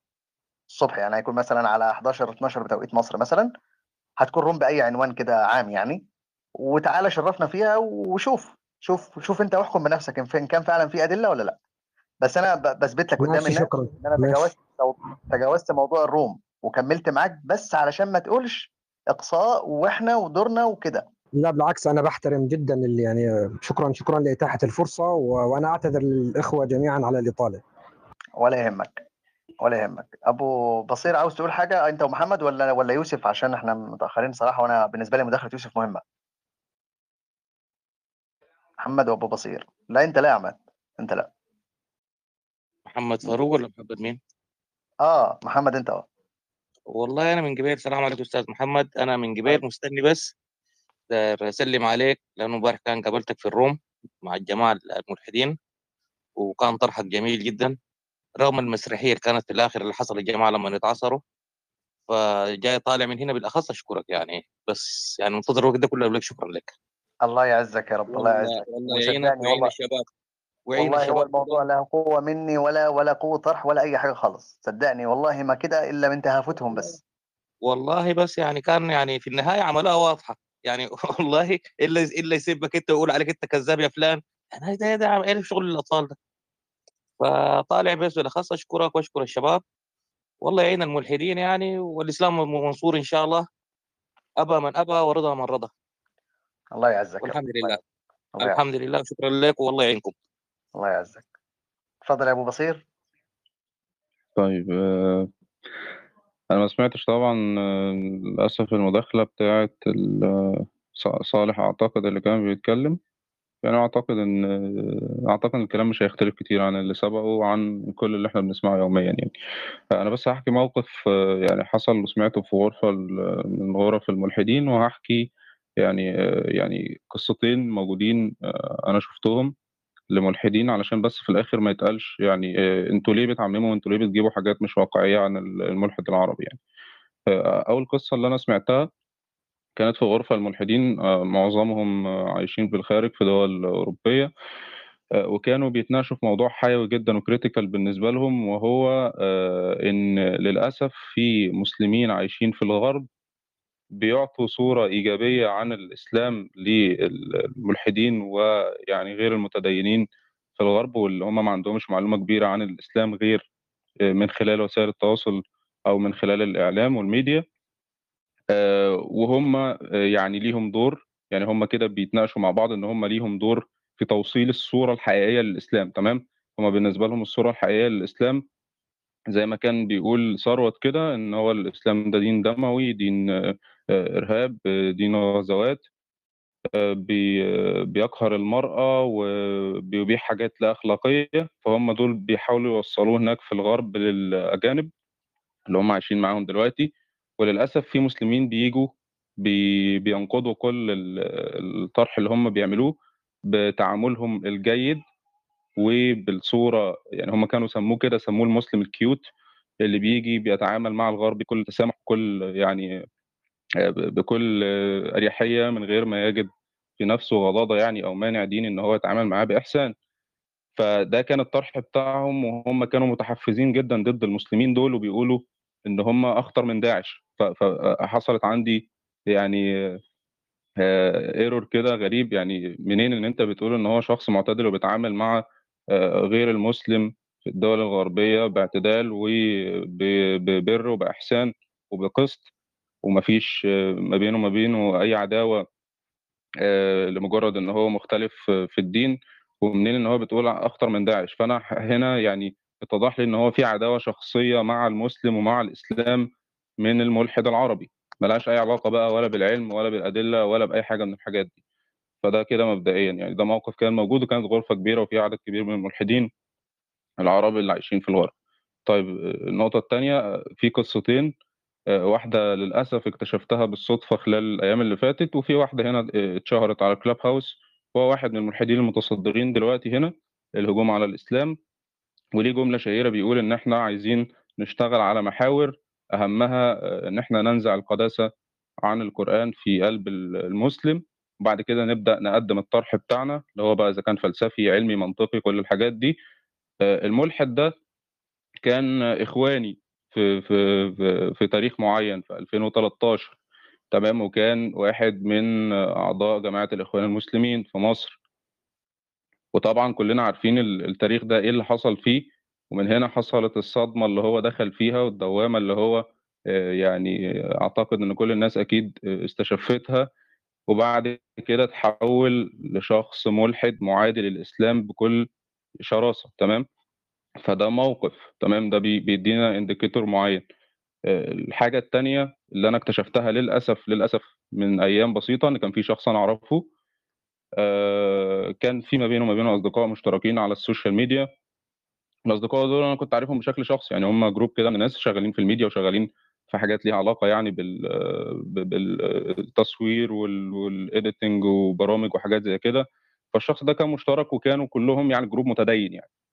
ناس كانت متدينة وناس عارفة ربنا وناس السمت بتاعهم سمت آه، إسلامي مش مش حتى شخص عادي يعني. فالشخص ده جت في مرحلة من المراحل في 2014 تقريبا. برضه مر ب- بضائقة ومر بكرب شديد ما كنتش عارف أبعاده بالظبط لكن هو كان ده اللي عبر آه، يعني عن هو عبر بكده عن نفسه إن هو مر بحاجة شديدة جدا معرفش إيه هي ظروفها. وبعد كده اتحول تماما تحول أفكاره اولا بدأ يتكلم بكلام بألفاظ آه، ما كانتش معتادة عليه. وفجأة ال account بتاعه اتقفل مفيش أي أخبار عنه من 2014 إلى أن فوجئت إن إن هو ليه account تاني من من أيام بسيطة ومشارك في group كده للملحدين على ال social media وليهم يعني مصطلحات معينة وليهم حاجات معينة بيتعاملوا بيها. ومن ضمنها إن هم بيستهزئوا بالذات الإلهية وليهم مسمى معين كده بيستخدموه ولقيته هو هو نفس الشخص. آه، حاطط صورة إزازة ويسكي ومستنيين تجمع معين بيعملوه كده في لايف في السخرية والاستهزاء من الدين. آه، آه، ال- المشترك ما بين الاثنين إن الشخصين مروا بمشاكل آه، كبيرة وحاجات في حياتهم أثرت عليهم نفسيا علشان حد بيطلع يقول لا الشخص ده ملهوش يعني مفيش أي حاجة مأثرة عليه نفسيا. لا ده في في في هنا نموذجين أنا آه، يعني آه، شفت القصة بتاعتهم وفعلا في مؤثرات وفي حاجات يعني أدت لضغوط كبيرة عليهم أدت في الآخر لتخبط. يعني لو رجعنا القصتين هنلاقي في تخبط في السلوكيات. واحد كان متدين كان كلامه منضبط فجأة بقى بيشتم بألفاظ يعني مش معتادة ومش معتادة على الناس اللي حواليه علشان كده أصلا هو وقف يعني وقف أي تعامل مع الناس اللي كان يعرفها بالكلية.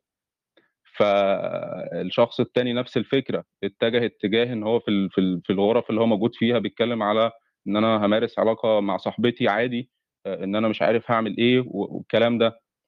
فالتصرفات بتتحول بالكامل بيحصل آه، يعني قطع كامل للصلة ما بينه وما بين كل الناس اللي هو كان يعرفهم قبل كده.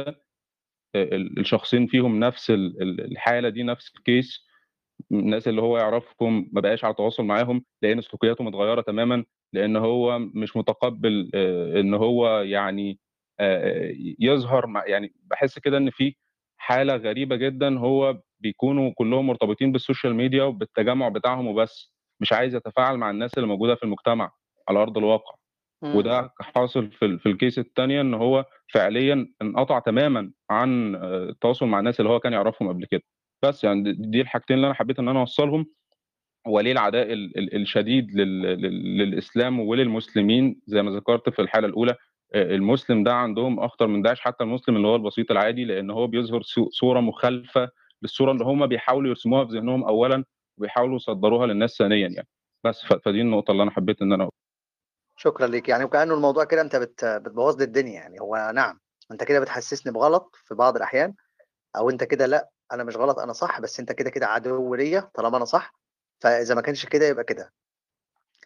تمام. يوسف أنا هطول معاك شوية بقى بس يتحملني يعني في. في الأسئلة. لا من أولها كده مفيش صوت. مفيش صوت يا أستاذ. في صوت؟ آه كده في صوت. تمام تمام. تحياتي لكل طيب ال- الاخوه اللي موجودين. أنت آه والله أنا كان في حاجات في حاجات سمعتها كنت عايز أعلق عليها فمش مش عارف لو طب لو هتعلق لو هتعلق علق تل- تعليق سريع عشان ما نضيعش وقت أكتر من كده لأن أنا أنا أصلا هو أنا مستنيك أعتقد أعتقد اللي أنا اللي أنا هقوله يعني في متضمن ال- الأسئلة اللي أنت هتسألها طيب لو حابب تعلق تعليق سريع اتفضل عادي. طيب اولا يعني هو يعني أنا يعني فيما اعتراض على ال- العنوان يعني. وإحنا ممكن نسأل سؤال يعني لماذا الإسلام آه، وسط كل هذه الأديان؟ الإجابة باختصار طيب يعني يعني إيه الكلام ده يا يوسف؟ أنت عايز تقول إيه؟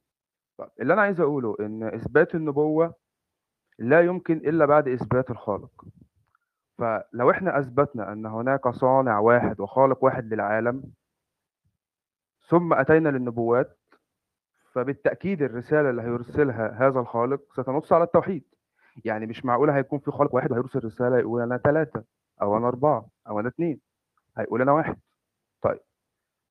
فلو جينا بصينا للأديان على وجه الأرض لن نجد دين ينادي كلامك كلامك ده معناه إن الاستدلال العقلي أصلا لا يجيز آه، إن يكون في للكون نعم. نعم و- وأنا بتكلم انطلاقا من لو إحنا تكلمنا مع ملحد وأثبتنا له أن هناك صانع للعالم وأنها واحد فبالتالي لما ننظر للأديان أكيد الدين اللي هيكون من هي- هيكون دين بينادي بالتوحيد مش هيكون بينادي بالتعدد لأن إحنا أثبتنا أن هناك خالق واحد بالدليل ال- ال- العقلي القاطع. فلما نيجي ننظر للأديان على وجه الأرض لا نجد دين ينادي بالتوحيد الخالص لله تبارك وتعالى إلا الإسلام. فده اللي بيخلينا نجاوب لماذا الإسلام وسط كل هذه الأديان لماذا الإسلام هو الذي يستحق البحث؟ أيوه بس بس أنا هقول لك حاجة هو معظم الناس أصلا ما عندهمش مشكلة بالدرجة الأولى مع فكرة خالق من عدمها يعني. أنا تصوري أنا كده إنه الإنسان عايش مع في خالق أو ما فيش هو هو ماشي في الكون وخلاص. تمام؟ هي هي الفكرة بس اللي أنا عايز دايما أوصلها. تشريعات طب أنا عشان بس أشوف أنت فهمتني ولا لأ.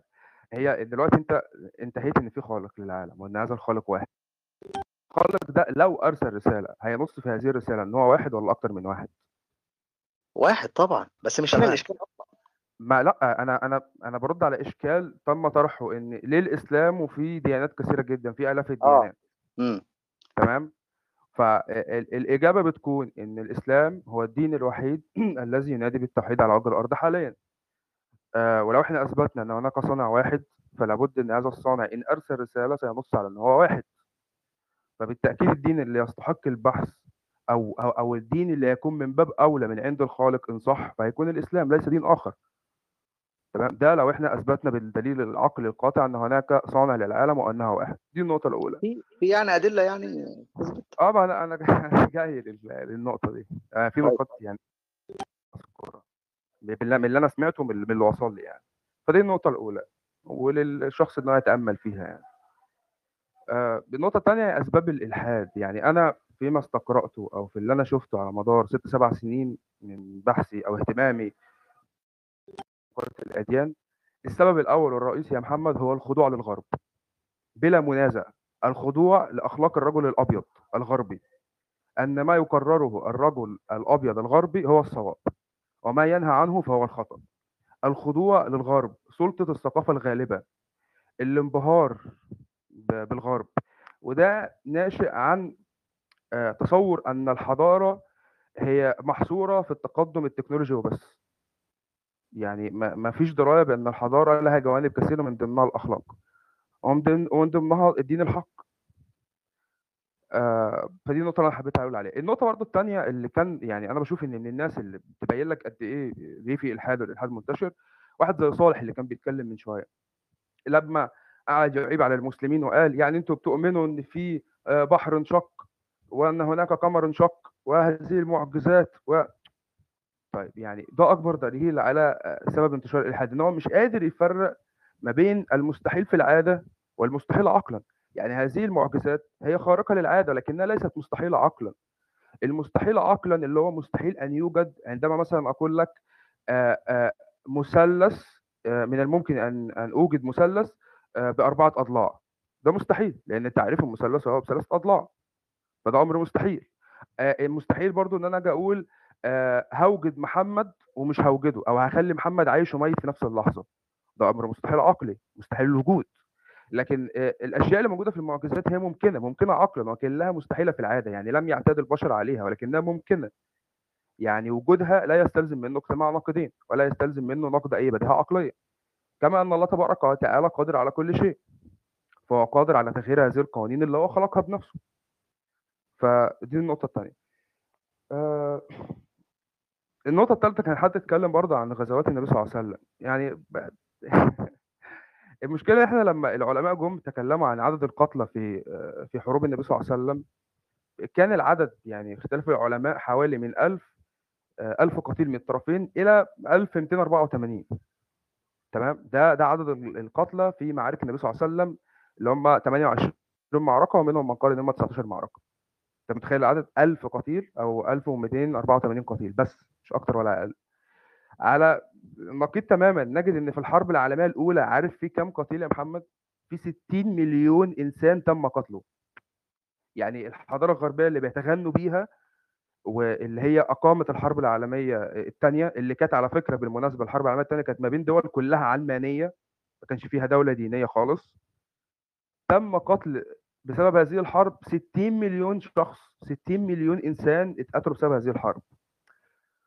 فتجد من يمجد هذه الحضارة بالمجازر اللي هي عملتها ويأتي على المعارك اللي خاضها النبي صلى الله عليه وسلم كدفاع عن الإسلام ويعترض يقول لك آه، إزاي في معارك تجد أصلا يعني هم 1000 قتيل أو 1200 قتيل. آه فدي النقطه الثالثه آه النقطة برضو اللي أنا عايز أنبه عليها إن النبي صلى الله عليه وسلم هناك وسائل الحروب في الإسلام. على نقيض طبعا ال- القاعدة العسكرية في الجيش الأمريكي التي تقول في الحرب اقتل أي شيء يتحرك. إحنا عندنا في الإسلام ما فيش الكلام ده. النبي صلى الله عليه وسلم قال اغزوا جميعا في سبيل الله فقاتلوا من كفر بالله ولا تغلوا ولا تغدروا ولا تمثلوا ولا تقتلوا وليدا. فهذا عهد الله وسيرة نبيه فيكم.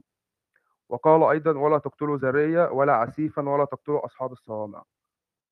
والنبي صلى الله عليه وسلم عندما رأى في إحدى الغزوات آه، امرأة مقتولة فغضب وقال ما كانت هذه لتقاتل فاحنا عندنا وصايا وضوابط في في الحروب فأنا بتعجب صراحة لما بيجي شخص يعترض علينا وإحنا بندافع عن نفسنا وما قتلناش 60 مليون إنسان زي ما حصل في الحرب العالمية الثانية طب أنا شايف إن ال- التأصيلات دي كلها يعني أنت أو أي حد من الناس يعني اتقالت كتير وبقت واضحة يعني واضحة جدا قدام أي حد. لا أنا أنا عشان الكلام اللي اتقال بس فاهم يعني أعبر عن اللي جوايا يعني عايز أستغل عايز أستغل وجودك في, في, في حاجة أكتر من كده يعني. الحاجات دي سهل ترد عليها وناس كتير ردت عليها. واضحة يعني أي حد يقرأ التاريخ يشوف. أنت كلمني بقى عن رحلتك أنت أنت أنت إيه اللي وداك هناك كده؟ وبعدين جيت من هناك للحته اللي كنت وبعدين رحت جاي أنت أنت أنت طلعت منين أو رحت فين وبعدين جيت؟ آه، أنت تقصد إن ده لما أنا كنت ربوبي وبقيت مسلم. هي ال ال ال المسألة يعني إن أنا أشرح المسيرة بالكامل ده هياخد وقت طويل جدا. يعني في آه، محاضرة آه، عملتها في نادي خرافة الإلحاد. بعنوان آه، العودة إلى الإسلام. موجودة ومسجلة يعني لمدة ساعة أو أو أو أكثر ب- بشيء قليل يعني. وضحت فيها آه، المسيرة المعرفية وإيه الأدلة اللي جعلتني من ربوبي لشخص مسلم. واتكلمت فيها عن آه، براهين النبوة. وشرحت فيها ال الأمر كله يعني، لكن أنا أقوله هنا تاني فهيكون الوقت يعني طب طب يعني. كلمني عن عن ال الوسيلة اللي أنت بناءً عليها دخلت يعني أنت بتقول أنت دخلت الإسلام عن السيرة لمّا تأملت في آه، هو اللي يعني في منهج اللي هو يا حبيبي سيرة إيه يا حبيبي، سيرة إيه؟ أنت أصلًا السيرة بالنسبة لنا آآ ما إحنا ما السيرة مش مصدر أصلًا، السير كلها مش مصدر، كتب السير والمغازي دي كلها ما هياش مصدر، فإزاي أنت يعني لأ، إيه لأ، الزاوية اللي ال صحيح السيرة طبعًا مش مش الروايات طيب. الزاوية اللي أنت وقفت منها علشان تشوف السيرة دي كانت يعني شُفتها إزاي أو حللتها إزاي؟ تمام، بُص أنا المنهج أنا اعتمدت على منهج الإمام ابن حزم رحمه الله. الإمام ابن حزم آآ في الفصل في الملل والنِحَل في الجزء التاني صفحة 231 بيقول، بيقول بالنص: "أن سيرة النبي صلى الله عليه وسلم لمن تدبّرها تقتضي تصديقه ضرورةً، وتشهد له بأنه رسول الله حقًا، فلو لم تكن له معجزة غير سيرته لكفى." يعني إيه الكلام ده؟ يعني الإمام ابن حزم وضع منهج في إثبات النبوة هو النظر لسيرة النبي صلى الله عليه وسلم. شخص جه ادّعى وقال لي أنا نبي من عند الله، طيب أنت مين؟ عايز أعرف أنت مين، عايز أشوف حياتك، حياتك قبل البعثة، حياتك بعد البعثة، إزاي كنت بتعامل الناس، إيه الأدلة اللي أنت قُلتها، حياتك كانت عاملة إزاي، هل أنت استفدت من النبوة، هل أنت عانيت بسبب الرسالة دي، هل كان في تأييد من ربنا، هل في ناس صدّقتك، إيه المعجزات اللي أنت جيت بيها، إيه التحديات اللي أنت جيت بيها. فلمّا بننظر في سيرة النبي صلى الله عليه وسلم، سيرة هذا الرجل اللي هو بالمناسبة معلوم ما بين مجاهيل، يعني لا يوجد مؤسس دين على وجه الأرض معلوم تفاصيل حياته إلا النبي صلى الله عليه وسلم، وعلى فكرة ده مش كلامنا إحنا، يعني عشان ما حدش يقول أنت أنت مسلم طب تنحاز، ده كلام المستشرقين والكلام ده أنا نقلته بال بالنص من كلام المستشرقين. وموجود في المحاضرة دي، والمحاضرة دي موجودة في جروب التليجرام في في نادي اسمه نادي خرافة الإلحاد على التليجرام للشخص اللي عايزها يعني. آآ فهذا الرجل محمد بن عبد الله صلى الله عليه وسلم سيرته معلومة ما بين مجاهيل. لمّا بننظر لمؤسسي كل الأديان اللي موجودة على وجه الأرض ما بنعرفش أي تفاصيل عن حياتهم. أشياء قليلة جدًا اللي ممكن نعرفها عنهم وما نكونش متأكدين منها. على عكس النبي صلى الله عليه وسلم. فده بيكون من أقوى الأشياء اللي أنت بتخلّيك تتدبّر في حياة هذا الرجل، وضرورةً لكل شخص منصف عندما يتدبّر سيرته هيخرج ويقول إن فعلًا هذا نبي من عند الله. يعني أنت لمّا شُفت مثلًا موضوع ال ال السير والأخبار لأن أنا سمعتك يوم ما كنت بتتكلم، قُلت إن إن إن الأمانة نفسها في النقل كان بيبقى في متناقضات. هنا هنا هنا بالنسبة لي أنا باستغرب يعني إزاي أنت من من من نظرتك دي تستخلص ال اللي يوصّلك للنتيجة دي، في حين إن الطرف الآخر مثلًا أو الناس اللادينيين لمّا بييجوا يشوفوا يقول لك تعالَ، فهو ينتقي اللي يخدم التوجُّه بتاعه علشان يبدأ يوجّه بيه سهام النقد لل للإسلام، بدون أي معيارية وبدون أي مرجعية لل للي بناءً عليه جات السير دي. فهو ما بياخدش بعين الاعتبار إن المؤرخ أو كاتب كتاب السير ده هو بيجيب كل الأخبار اللي جات له بأسانيدها، وبناءً عليه العلما يحللوا آآ الرجال دول مين، هم مين أصلًا، وطبقًا لعلم الحديث نشوف هل تُقبل الرواية دي أو لا تُقبل، ويبقى ساعتها حصر الكلام ما بين ال اللي لا اللي له أصل واللي ما لوش، وبعدين نشوف اللي له أصل ده هل ليه شواهد تانية والّا لأ، الموضوع ده صعب. يا مولانا يعني يكفي بس شهادة أنا هانقل شهادة أسد رستم، تمام، هو مؤرخ لبناني مسيحي على فكرة، عنده كتاب اسمه كتاب مصطلح مصطلح التاريخ، تمام، مؤرخ لبناني مسيحي، بُصّوا قال إيه عن علم الحديث. يقول: "أول من نظّم نقد الروايات التاريخية ووضع القواعد لذلك علماء الدين الإسلامي، فإنهم اضطروا اضطرارًا إلى الاعتناء بأقوال النبي وأفعاله لفهم القرآن وتوزيع العدل، فانبروا بجمع الأحاديث ودرسها وتدقيقها، أتحفوا علم التاريخ بقواعد لا تزل في أساسها وجوهرها محترمة في الأوساط العلمية حتى يومنا هذا." دي شهادة مؤرخ آآ لبناني مسيحي عن علم الحديث الإسلامي. طيب أنت بقى يعني في علم الحديث ده أنت أنت مشي مشيت إزاي؟ يعني أنا عاوز أقول لك أنا مسلم أهوّة، والمفروض يعني أنا باتشدّق و وأناقش الملحدين وبتاع، بس أنا أنا ما عنديش الإلمام ده، والّا يمكن علشان أنت بقى كان ده موضوعك فركّزت عليه هو علشان توصل بيه بُص للآخر؟ بُص يا مولانا هاقول لك، هاقول لك يا محمد،. هي المسألة أنت لازم تطرح على نفسك سؤال والس و وأنا أتمنى من كل الناس اللي موجودة تطرح على نفسها هذا السؤال. سؤال التالي: كيف وصل لنا هذا الدين؟ لازم تسأل نفسك السؤال ده تبحث فيه هو الدين ده وصل لي إزاي هو الإسلام ده وصل لي إزاي يعني دلوقتي من 1400 سنة في واحد آه، ادعى قال إن أنا آه، نبي من عند الله طيب أنا الكلام ده كله وصل لي إزاي أصلا أنا إزاي عرفت الكلام ده إزاي أتأكد منه ده الفيصل. لو انت بحثت في المسألة دي وتيقنت منها ضرورة ضرورة هتكون مسلم. يعني آه، بلا أدنى شك. طب إيه اللحظة اللي كانت فارقة معاك قبل ما تقرر إنك تدخل الإسلام؟ إيه اللحظة اللي, اللي كانت بالنسبة لك اللي عارف أنت اللي هي أنا عايز أقول إيه؟ مش عارف.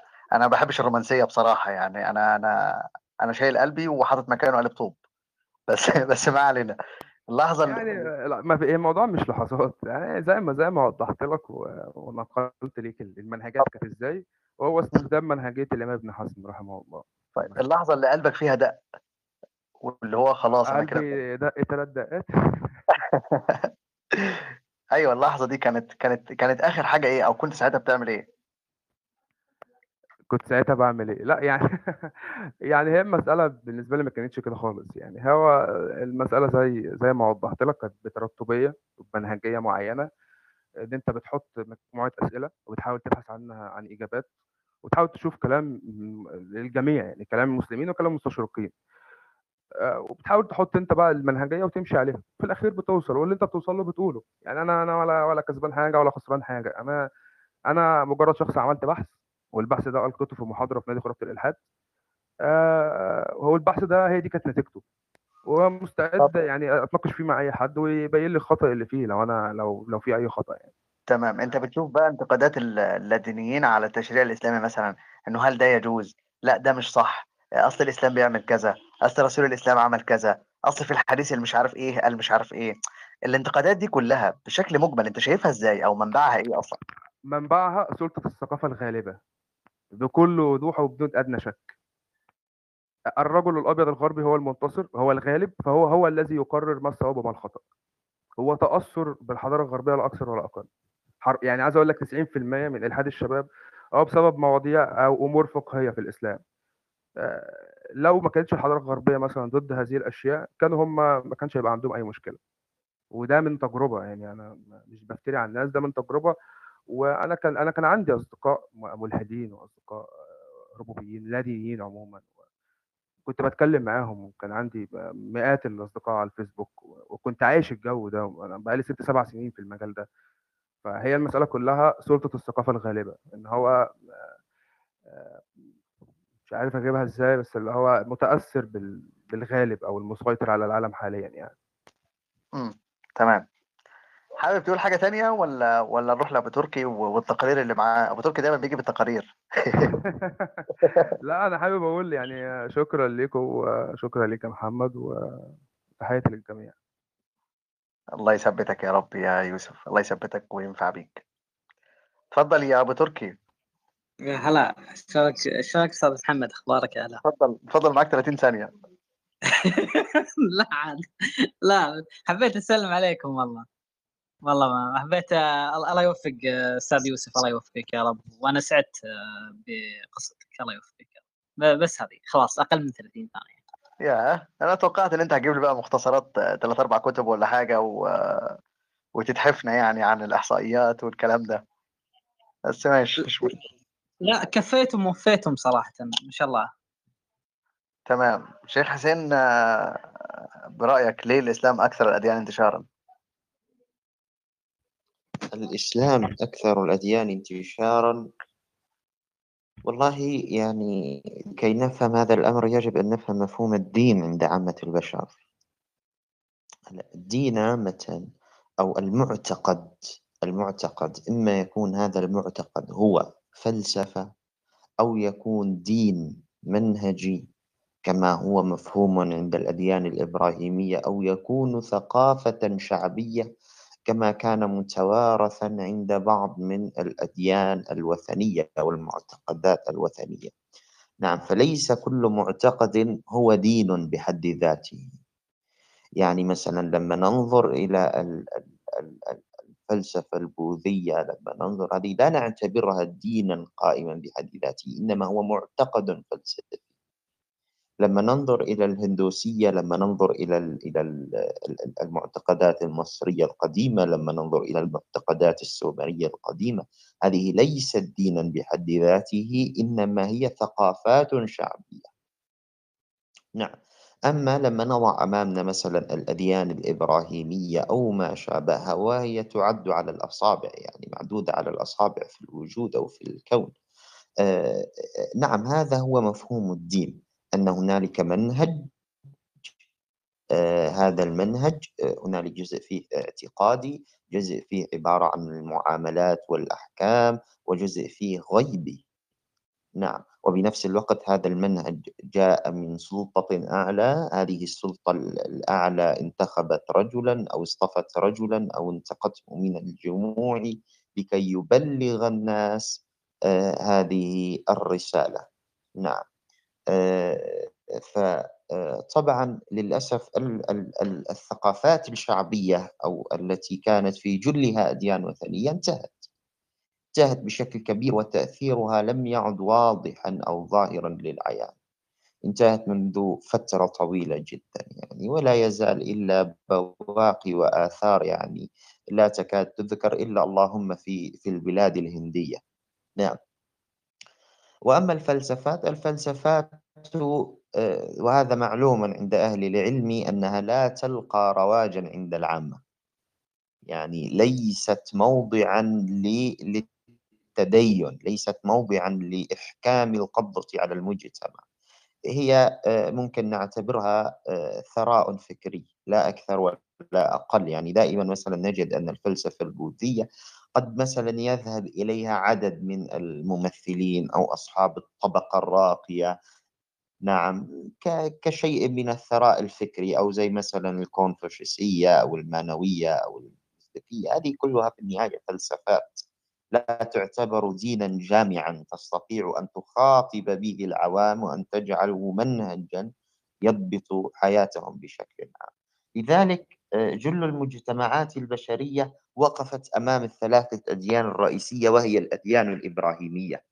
نعم أين موقفي من هذه الأديان؟ للأسف المجتمع وقف أمام الديانة اليهودية فوجدها ديانة قومية عرقية ليست في الأصل تدعو إلى إلى العالمية أو إلى مفهوم يسوده ذلك الدين. نعم.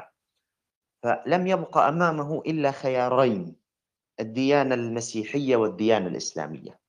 نعم. الديانة المسيحية في جلها صوتها صوت عاطفي. نعم.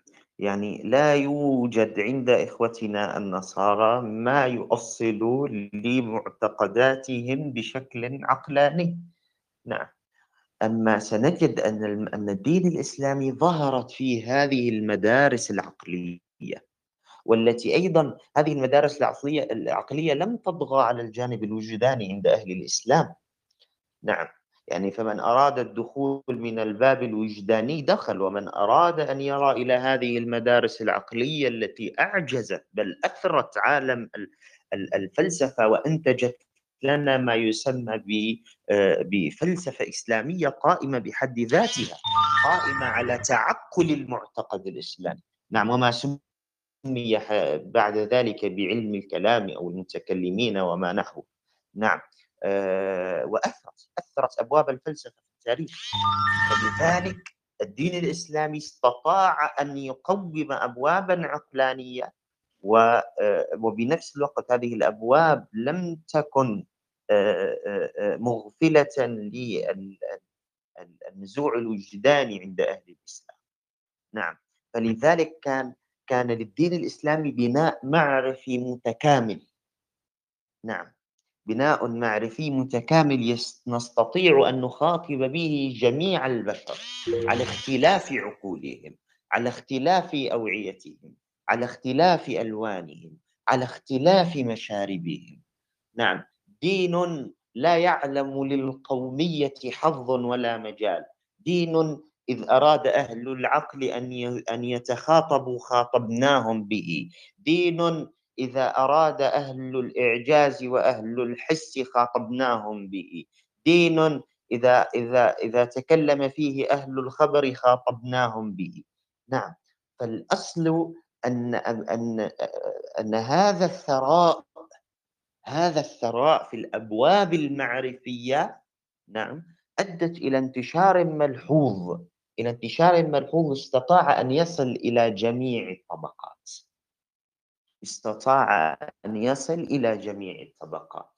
نعم. شيخنا أنت عايز تقول افهم من كلامك ده أنت عايز تقول إن الدين اللي, اللي, اللي كلم الإنسان حتى في دخوله الحمام اللي كلم الإنسان حتى في قبل ما ينام اللي كلم الإنسان حتى وهو بياكل وقبل ما ياكل وبعد ما ياكل أكيد مش هيكون عنده إغفال أو تفريط في أي حاجة من حياة الإنسان باختلاف باختلاف طبقاتهم أو أو توجهاتهم أو تخصصاتهم.